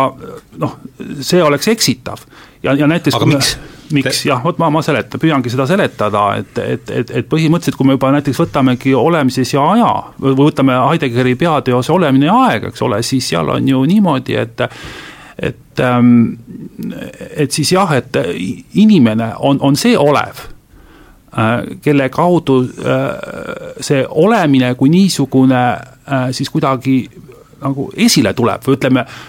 inimest kui olevat konstitueerib ehk e-, ehitab üles selline, ehitab üles olemise mõistmine, ühesõnaga inimest eristab teistest olevatest äh, just nimelt see äh, võime suhestuda olemisega, olemist mõista. ja nüüd Heidegger loodab, et just nimelt seda inimese olemasolu või, või seda, kuidas inimene on, inimese olemasolu eri, erinevaid viise analüüsides, on, on võimalik siis ka kuidagi jõuda äh, olemise kui niisuguse või olemise mõtte eritlemiseni. nii et äh, selles mõttes äh, küll ühtpidi pidades oluliseks ja, ja, ja, ja, ja väga-väga põhimõtteliseks seda äh, äh, nagu olemise ja oleva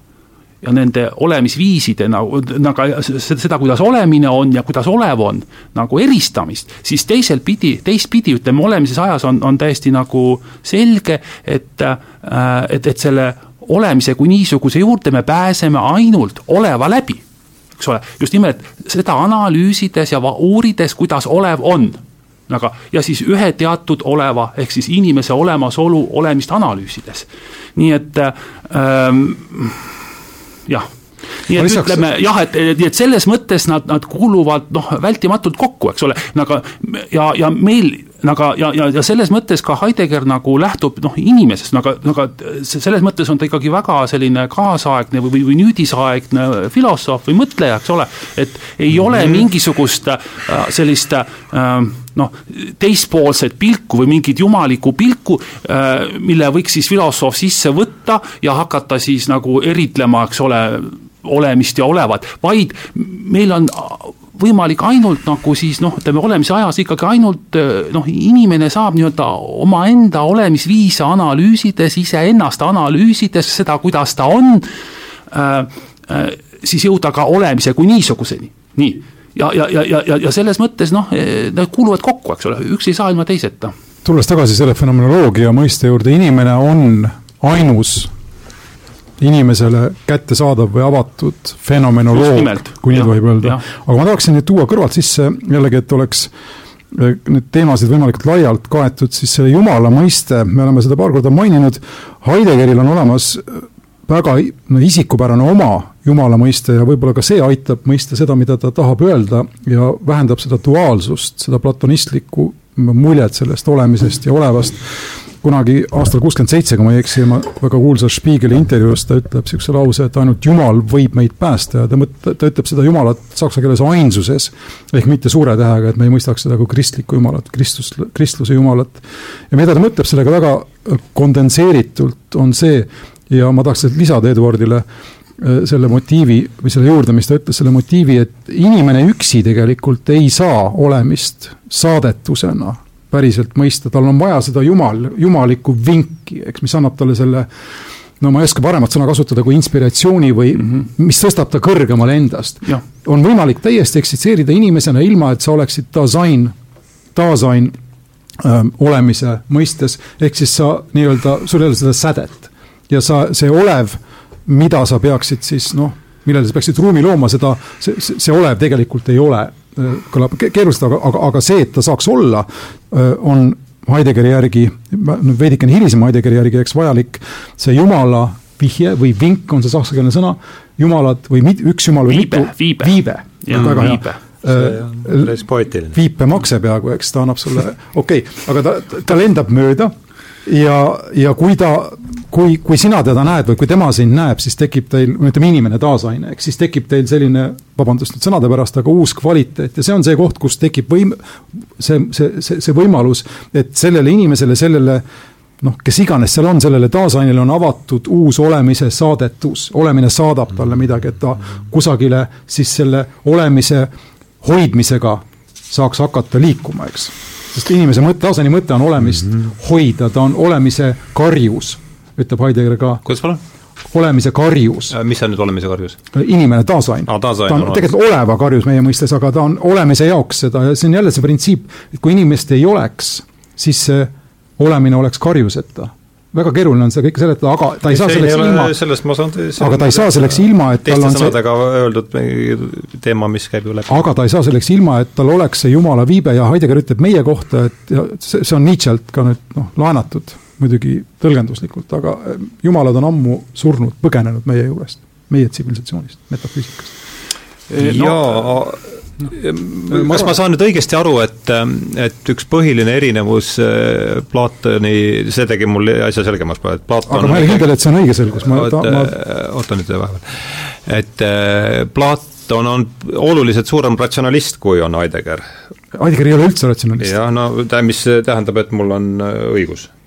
sa nõustud sellega, et kui, et et kui e, kui nüüd tulla näiteks tagasi, eks ole selles mõttes, et Platon on ju puhas ratsionalist, eks ma saan aru, ühesõnaga, ma vastaks selle küsimusele praegu niimoodi, et jah, siin oli ka nagu see noh, see fenomenoloogia küsimus tõusis üles ja, ja siis ma osutasin, et noh, et et ka Heidegger ise end osaliselt seab vähemalt olemises ja ajas ennast sinna sellesse traditsiooni sisse, aga hiljem on ta ka nagu loobunud üldse ennast määratlemast fenomenoloogia läbi ja fenomenoloogina. Ja muidugi Husserli ja Heideggeri niisugune isiklik suhe on, on veel täitsa omaette teema, millesse siin praegu ei lasku üldse mitte. Ähm, aga äh, kui nüüd rääkida põhimõttelisemalt, siis üks, üks oluline erinevus, ütleme, Husserli ja Heideggeri vahel on see, et ikkagi Husserl räägib teadvusest teadvusest Husserl, ja, ja te, tema räägib teadvuse äh, intentsionaalsusest, nii ja, ja, äh, ja, ja Husserl on subjektifilosoof või, või, või võib ka niimoodi öelda, niimoodi eriti ütleme, selline veidi hilisem, ütleme seal äh, kartesiaanlikes meditatsioonides ja kolmekümnendatel aastatel ja ütleme, needsamad ideed äh, puhta fenomenoloogia kohta äh, Äh, siin, seal ta jõuab ikkagi teatud jah, seal niisuguse transcendentaal, omalaadse transcendentaalse subjekti käsitluseni või niimoodi, subjektifilosoof. aga nüüd Heidegger, äh, kui, äh, kui tema räägib siis inimese olemasolust ehk taasainist, siis ta püüab seda käsitleda igati noh, mitte subjektina või, või, või, või, või see on midagi, see selline arusaam. palun võta see lause uuesti, mul läks natuke ajus, see on oluline lause minu arust mittesubjektina inimene. jah, et, et tema püüab käsitleda taasaini ehk inimese olemasolu, aga see ei ole teadvus tähendab, sa ei sünni, sa ei sünni tühja lehina. see, see, see ei ole teadvus. kuhu su kogemus kirjutab. jah, see, see ei ole subjekt, eks ole, vaid, äh, vaid, vaid see, vaid, vaid see Heideggeri äh, inimese olemasolu äh, käsitlus juba olemises ja ajas tahab olla selline, mis, mis, mis tahab liikuda teispoole sellist metafüüsilist, ütleme niisugust subjektifilosoofiat, teispoole teadvuse filosoofiat, mis, mis, mis käsitleb inimese olemasolu, seades eelduseks ja aluseks teatud arusaamas noh, subjektsusest, tea-, teadvusest, eneseteadvusest. kuigi ütleme, olemises ajas me võime veel tuvastada Heideggeril ka teatud selliseid subjektifilosoofia ja, ja, ja võib-olla isegi mm -hmm. teadvuse filosoofia jäänukeid, aga põhimõtteliselt ta on, on kriitiline. ja ütleme, mis võib-olla eristab nüüd seda olemise ja ajaaegset inimese käsitlust, inimese olemasolu käsitlust nüüd hilisemast, millele siis ka Äh, siin sai äh, osutatud, ähm, Ahto rääkis, ütleme sellest äh, inimesest kui, kui karjusest olemise avatusest, nii, see on siis juba nüüd päris hiline, seal kusagil neljakümnendat aastat ja niimoodi viiendat aastat ähm, siis on see, et tõesti olemises ajas on, on, on, on see inimese olemist üles ehitav ehk konstitueeriv olemise mõistmine, olemise mõistmine mille, mille, mida analüüsides nüüd Heidegger loodab äh, kuidagi seda lõpuks jõuda ka olemise kui niisuguse määratlemiseni ja seejuures see olemise mõistmine, see seda ei, ta, ei, ei tasuks võtta või ei tohiks võtta sellise noh, niisuguse teoreetilise teadmisena, vaid see olemise mõistmine äh, kätkeb eneses kindlasti ka sellist tähendust nagu umbes ma mõistan autot juhtida või ma mõistan äh, pandikooki teha, ühesõnaga see, see, see mõistmine on, on niisugune, niisugune noh, nagu praktiline. aga, aga, aga isegi äh, see, aga, aga nüüd see, kui me nüüd räägime eraldi veel, veel olemise mõistmisest, siis see olemise mõistmine ei taandu, ei redutseeru ei sellisele teoreetilisele teadmisele ega ka mingisugusele praktilisele oskusele, kuigi see sõna mõistmine võib ka seda tähendada tal, nii. Et ähm, nii, aga, aga igal juhul olemises ja ajas on veel teatud selline, ütleme, inimese kesksus olemas. Kuigi see taasain ei ole ainult, ei, ei taandu ainult inimese olemasolu, vaid taasain võib olla või on, on olemise avatus ka teistele olevatele, mitte ainult inimesele oma olemisele ehk eksistentsile, vaid ka teistele olevatele nii noh, asjadele, nii. Äh, nii et, et ütleme, ütleme, et, et, et, et kuigi olemise ajas on teatud noh, ütleme teatud niisuguse inimese või isegi võib-olla subjekti kesksus veel olemas mingid jäljed inimese kesksusest ja subjekti kesksusest, kuigi see taasain ei ole enam pelgalt, ei taandu, ei redutseeru ainult inimesele ja, ja, ja, ja, ja nii edasi ähm,, siis nüüd hilisemas Heideggeris on nüüd nii, et äh, kuidas öelda äh,, see olemine ei tule enam inimese olemasolu ülesehitavas olemise mõistmises esile. aga see, see ei ole, see ei ole enam inimese olemasolu võimekusest sõltuv selles mõttes vaid, vaid, vaid, vaid inimene viibib teatud olemise avatuses, aga olemine on avatud äh, omal moel ja, ja inimene viibib selles ja, ja muidugi ta tal, tal on võimalus selle olemise avatusega suhestuda. kas ma, ma, ma, küsin lihtsalt vahele eh, asja? tegelikult see on, ma, ma kohe jätkan, võib-olla sa saad küsimusele vastuse, siis küsi Nii. uuesti, mul läheb muidu mõte ka, aga lihtsalt jätkates sellest ja, samast okay. asjast, eks hilisem ja Heideggeri taasaine mõiste on see ruum või see avatus kus saab üldse olev ilmuda ja see ei ole inimese, ta teissubjektiviseerib teatud mõttes kogu enda lähenemise. aga ma tahangi selle subjekti juurde tagasi tulla, aga ennem see taasain hilismal Heideggeril on tegelikult enam-vähem võrdne Alet Heiaga, eks see on see koht, kus midagi saab ja. ilmuda, ilmneda ja selle ruumi tekkeks teatud mõttes on vajalik inimene, aga mitte struktuuriliselt, eks see on ja sellega, ma ei ole kindel, palju, palju see nüüd seal midagi selgitab, aga ma tahan selle ma tahan kahte asja öelda siin, et oleks võib-olla äh, kontekst natukene rohkem. kui me räägime olemisest ajast, Heideggeri äh, magnum opusest, siis selle kirjutas ta või avaldas tuhat üheksasada kakskümmend seitse ja nüüd noh, olulisem, olulisem osa tema loomingust järgnes või tema tööst järgnes sellele, me räägime kolmekümnendatest, neljakümnendatest, viiekümnendatest, kuuekümnendatest aastatest, seminarid läksid seitsmenda aasta algusesse, siis toimus kolmekümnendate lõpus, neljakümnendate alguses selline pööre, mida ta ise kutsub ka pöördeks, keere mida see tähendab, on mitte see, et ta muutis meelt ja nii, nii näiteks fenomenoloogiline meetod on tal olemas seminarides kuni elu lõpuni. küsimus on lihtsalt selles, et ta hakkas vaatama ja seda tahab, ma, ma nüüd Eduardile liiga ei tee, ka Eduard öelda, eks, et al alustades inimese keskselt, sub-, suhteliselt nagu subjekti keskselt ja see subjekti äh, moment on väga tugev, Zainund Saitis, see ontoloogiline moment, kuigi ta räägib seal ka sellest, et inimene kunagi äh, ei, ei sünni üksi ega ole üksi, vaid tal on maailmas olemine omane, eks tal on teistega olemine omane, nii edasi, juba seal on see nagu avatus on suurem, aga see noh, subjekti struktuur ja nii edasi, seal on olemas, hiljem ta hakates siis olemisele lähenema olevast välja eemale minnes, üritades nagu aru saada teises suunas seda, alguses ta üritas olevast olemiseni jõuda, sealt ta ei jõudnud kusagile, ontoloogia on nii-öelda tupik, eks. üritas ta hakata teistpidi asja vaatama, see on see pööre. ja selles, selles pöördes siis on noh, sündinud suurem osa tema asjad, tema teostest, millest me millest inimesed tavatsevad rääkida kui äh, noh, müstilistest ja mõistetamatuse, mõistetamatustest ja nii edasi, aga mida ma tahan siin lisada, on see, et tegelikult seda ei ole, kui tagasi viia nad kõik Heideggeri varasematele äh, ütleme ka ontoloogilistele või ontoloo-, mis ta on siis, ontoloogia ajaloolistele teostele, see, see, see, need motiivid on samad, ta lihtsalt vaatab teises suunas sellele asjale. Ja sorry, ma ei saa lihtsalt vastu seista soovile subjekti mõistet sulle seletada niimoodi, et mida mida Heidegger ütleb, et inimene ei ole, on äh, nagu see vaal, kui sa oled lugenud Douglas Adamsi pöidlaküüdiga galaktika, mis iganes, see on sihuke inglise ulmekirjanik, väga kuulus. temal on üks vaal, kes sünnib järsku stratosfääri ühe nimetu planeedi, planeedi kohal ja loomulikult gravitatsioon hakkab teda kiskuma allapoole ja vaal mõtleb, ohoo, huvitav, miks ma olen siin, kes ma olen ja huvitav, kas see lähenev kera on ka sõbralik, eks. siis kostab plats, sellist eksistentsi ei ole olnud ega saagi olema, see on lihtsustus, see on metafüüsiline kontseptsioon subjektist, kes suhtestub maailmaga nii-öelda tühja lehena, hakkab siis kogu, koguma kogemusi ja see subjekti ja objekti suhe siin on karikatuurne, aga iseloomustab metafüüsikat ja seda, millest Heidegger tahtis eemale liikuda, ära liikuda. No nii, meil on nüüd veerand tundi jäänud, et me peame hakkama äh, tahes-tahtmata mõtlema, kuidas see jutuajamine, selle jutuajamise niimoodi otsad saaksid kinni seotud. Äh, käime selle veel üle, et ei saanud mina nüüd täpselt, äh, ma saan aru, et oma loome, esimesel loomeperioodil ta üritas siis jõuda olemiseni läbi oleva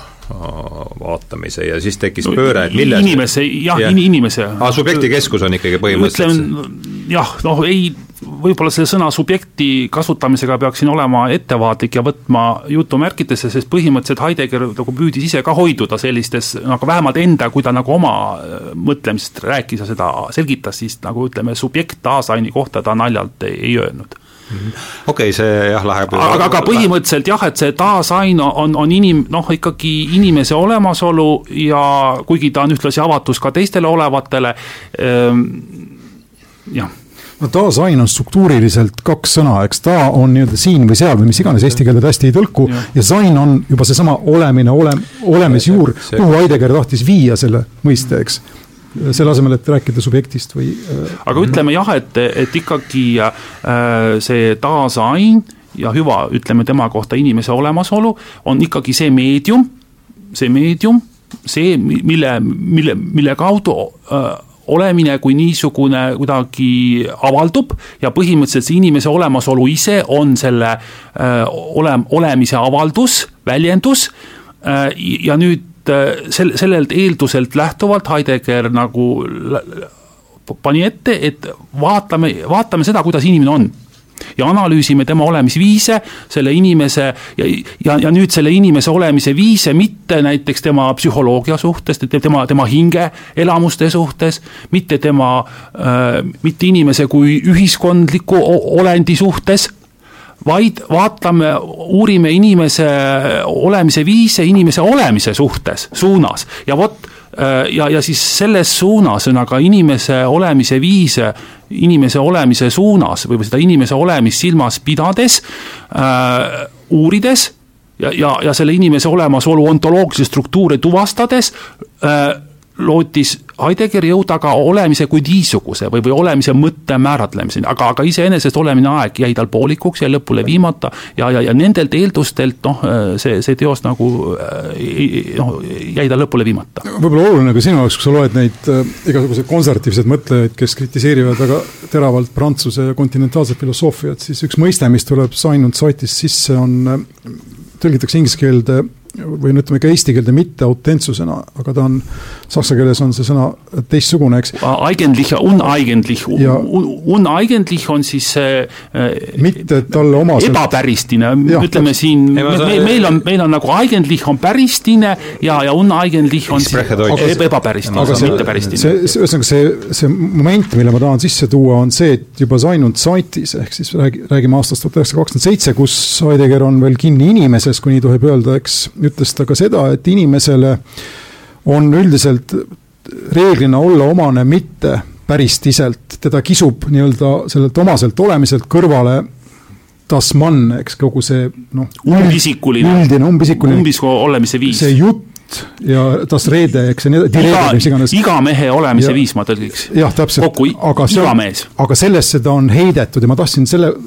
mõte tuua sellepärast üles, et sa siin alguses ütlesid Geworfenheit ja siin tuleb see sisse, inimene on heidetud, aga oma heidetuses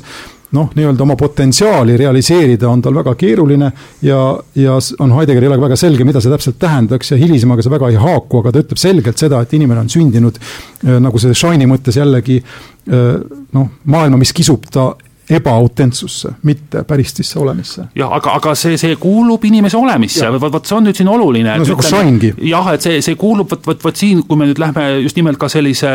noh, selle inimese olemasolu selliste noh, ähm, konkreetsemate olemisviiside juurde, millest siis Heidegger räägib ja mida ta seal kirjeldab, eks ole, siis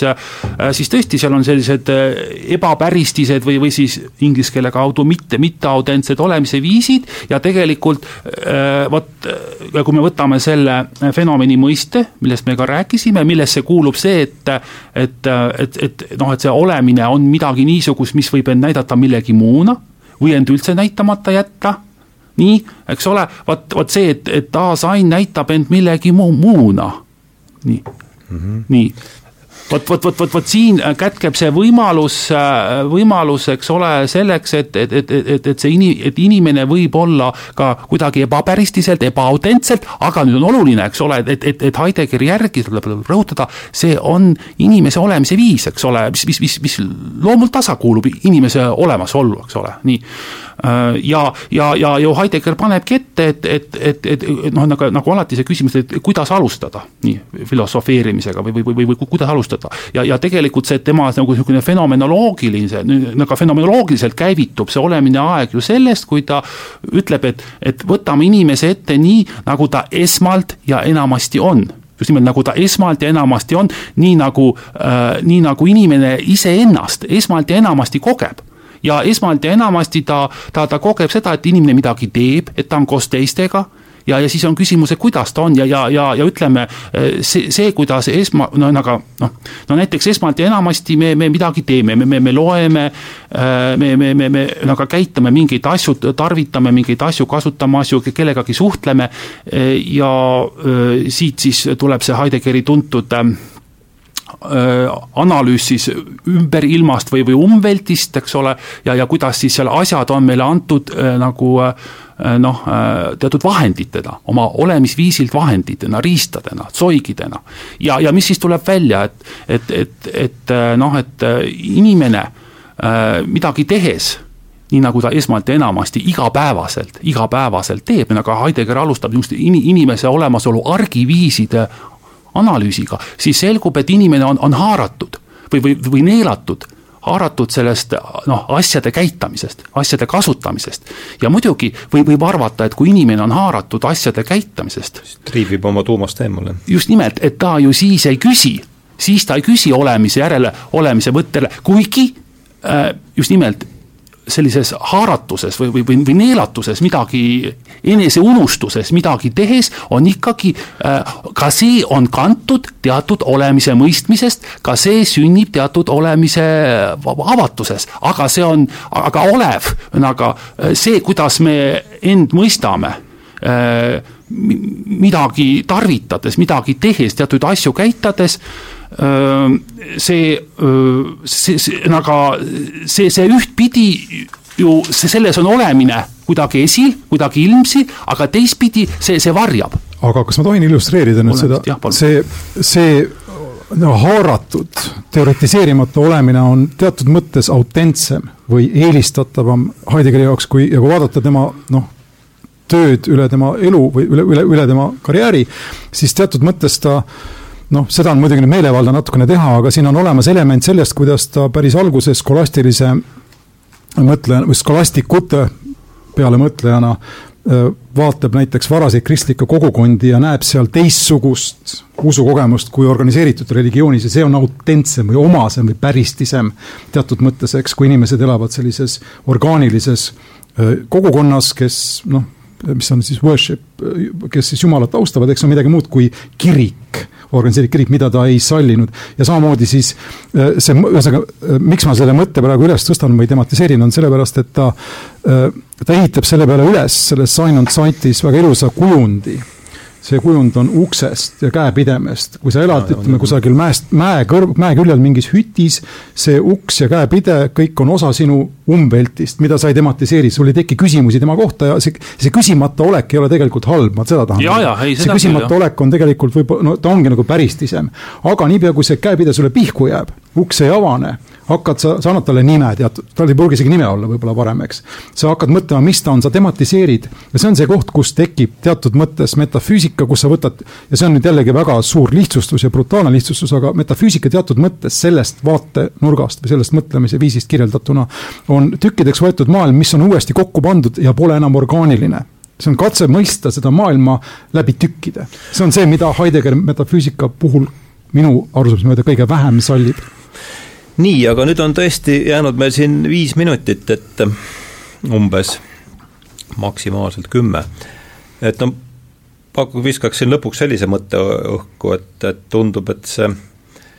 kõik filosoofilised suundumused, nii palju kui nad on, ja, ja religioossed samuti, et ikkagi saavad alguse mingist sellisest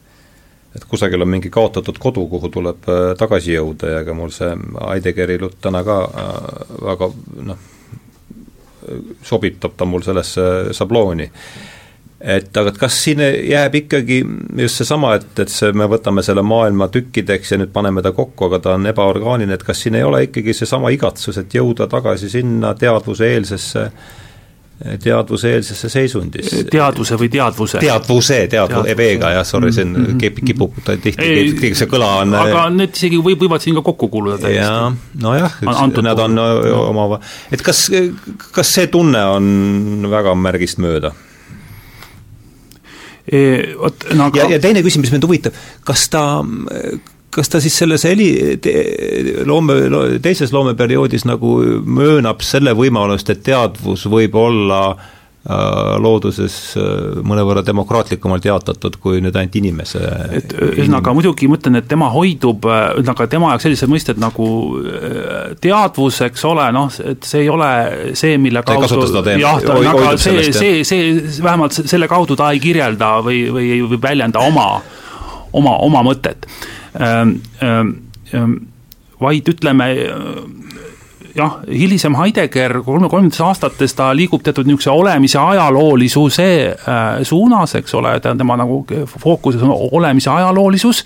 ja see väljendub selles, et ta küsib selle nagu äh, noh, selle olemise mõtte või, või siis ütleme ka selle õhtumaise mõtte alguse järele. alguse ja algupära järele. Äh, Anfang, nii. ja, ja nagu ka siin mainisin, eks ole, et kusagil jah, kolmkümmend aastate esimesel veerandil ta nagu lokaliseerib selle alguse vanasse Kreekasse, eks ole, ja, ja, ja, ja, ja see on tal seal need eelsokraatilised filosoofid eeskätt, enam mitte niivõrd Parmenides või mitte enam niivõrd Platon ja äh, Aristoteles, kuivõrd näiteks Parmenides ja Herakleitos äh,. nii, aga äh, siis kusagil kolmkümmend aastate teisest paigast ta nagu jõuab äratundmisele, et tegelikult need, et ka nendel eelsokraatilistel filosoofidel jäi midagi olulist mõtlemata. midagi olulist jäi, jäi küsimata. millal ta selleni jõuab, vabandust? kolmkümmend aastate teine pool, seal just, just nimelt, kui tuleb ka Hölderlin sisse niimoodi ja, ja siis kolmkümmend aastate lõpust äh, hakkab ta kirjutama sellist päevikulaadset Äh, päevikulaadset teost nagu Paitreegel sur filosofii, mida on natuke raske tõlkida, aga noh, äh, lisandusi filosoofiale, tõlgime umbes niimoodi, või täiendusi, lisandusi filosoofiale. Ja, ja, ja see on selline natukene Nietzschelikus laadis selliste fragmentidena, aforismidena kirjutatud paks teos, mille ümber veel koondub terve rida selliseid tekste, teoseid, need ei olnud loengud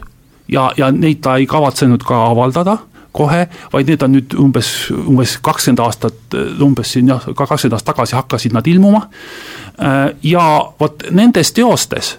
aga, aga ka tegelikult mõnedes teistes ettekannetes, mis ta noh, pidas seal kolmkümmend aastat, aga hakkab ta rääkima nagu eristama äh, der erste Anfang und der andere Anfang, see on siis esi-, nagu selle äh, mõtlemise esimene algus ja äh, äh mõtlemise teisene algus või teisane algus, vaat, vaat nagu seda on natuke, ter andere on natuke raske tõlkida. aa, see on ter andere, jah? ter andere, see on teine, teislaadne algus. ja, ja, jah, niimoodi, teislaadne algus. ja sellega ta nüüd ja, ja kui sa nagu küsisid, et et, et noh, et noh, et, et, et mida siis nüüd ähm, samunegi Heidegger nagu pakub, noh, kas ta pakub mingit väljapääsu või kas ta pakub mingit lahendust sellest, nagu sa ütled, ummikust, eks ole, niimoodi. Äh, siis ütleme, see äh,, vot see, see käsitlus teisest või, või teisasest algusest ongi siis selline üks, üks üks katse tal pakkuda siis seda noh, lahendust ma... või, või väljapääsu. ma tohin ka, see Fomeraignes on selle saksa, vom Reignis on selle saksakeelne äh, alapealkiri. alapealkiri ja see on, see Reignis sõna on väga oluline, seda ma pole täna maininud, aga meil pole ka selleks aega. aga jällegi natukene nüüd äh, lihtsustades, see, ma ütleksin selle teise alguse asemel võib-olla muu algus Eesti keeles on üks võimalus öelda seda Anderit kommuun. no ühesõnaga, ütle saksa keeles aga, on ka põhimõtteliselt, aga noh, peab mõtlema, aga, aga noh. aga ta on jah, nagu see, see, juba te mõlemad ära ütlesite, et see ei ole siin kindlasti numeeriline järjekord, eks ole. kuigi iseküsimus on see, et kas muusse algusse saaksime me äh, ilma metafüüsika seest äh, tulemata, see on huvitav no vot, siin ongi tema jaoks ütleme, see e-, esimene algus on siis tõesti, need on need Äh, eelsokraatsed, Parmenides, Herakleitos, nii, see on see tõesti see, see päris algus, aga see on see Vana-Kreeka filosoofia. Ja, ja nüüd ongi tõesti küsimus selle äh, esimese alguse ja der andere Anfang siis selle teise või, või, või selle muu alguse äh, suhe või, või vahekord. ja mida ta tahab öelda, on see, et esimene tuleb kindlasti unustada, sellest välja hüpata, aga ta ei taha öelda seda, et see esimene oleks täiesti kasutu, viljatu ja, ja, ja ühesõnaga võib-olla oleks mingit väärtust. mitte niivõrd küsimus ei ole, ma isegi, kui nüüd sinu äh, sõnakasutusest lähtuda, ma võib-olla ei räägiks mitte niivõrd unustuses, küsimus ei ole unustuses, vaid teatud mõttes just me oleme midagi sellest esimeses alguses unustanud. seda küll. jah, nii, aga kuidas... hüpe, vot hüpe on nüüd õige sõna, ta tõesti äh, näiteks selles äh, lisandustes filosoofiale, ta tõesti kirjeldab seda, vot, vot tõesti, tal on suur küsimus, et kuidas peab toimuma see, see liikumine sellelt esimeselt alguselt selle teisasesse või muu algusse Täna... ja üks märksõna on tõesti hüpe. väga põhimõtteliselt öelduna, ta tahab kõik, ta ütleb, et kõik tuleb maha jätta ja see kõik on siin ka võib, või võib olla mõistetud kui see panta, see N-panta ja nii edasi, ta tahab selle kõik maha jätta, sest et selle seest, mis on pärast mm. esimest algust, ei ole võimalik konstrueerida teist algust. teine algus peab sündima kusagil mujal. jah, aga, aga, aga vaata, see ei tohi olla niisugune, kuidas öelda, noh, äh, vot siin on nagu mingi, mingi eitus on seal sees, aga see ei tohi olla eitus sellises aga mahajätmine ei ole, ei ole eitus. nii, aga Eesti keeles ei ole võib-olla paremini võimalik öelda. oleme siin küll rääkisime ennast soojaks, aga et noh, ja mina räägiks hea meelega edasi, aga ma lubasin Egonile, kes peab jõudma kes peab jõudma lapse trenni viia või ise trenni minema, et me kuueks lõpetame ära selle vestluse, et oli, oli väga huvitav ähm, ja ja siin sai soditud õige mitu lehte täis, et äh, tänan teid tulemast, äh, Eduard Parhomenko, Ahto Lobjakas, vestlesime siin nüüd ligi kaks tundi siis Martin Heideggerist äh, ja ei saa üldse, ei ole välistatud üldse, et see on teema, kas nüüd täpselt Heideggeri äh, lipu all, aga ma arvan, et niisugusest fenomenoloogilisest filosoofiast äh, tahaks veel teha kindlasti äh, ühe saate juba lähitulevikus, et äh, ma olen kindel, kuulajate tungival soovil äh,. noh, jah, vaatame seda osade kuulajate tungival soovil. et, et siis pole muud, kui ma tänan teid tulemast ja, ja head õhtut ja head õhtut ka siis äh, raadiokuulajatele, veel kord stuudios olid Ahto Lubekas, Eduard Parhomenko, mina olin saatejuht Hardo Pajula ja eetris oli minu lugemise järgi neljakümne seitsmes Tähenduse teejuhtide saade, head õhtut!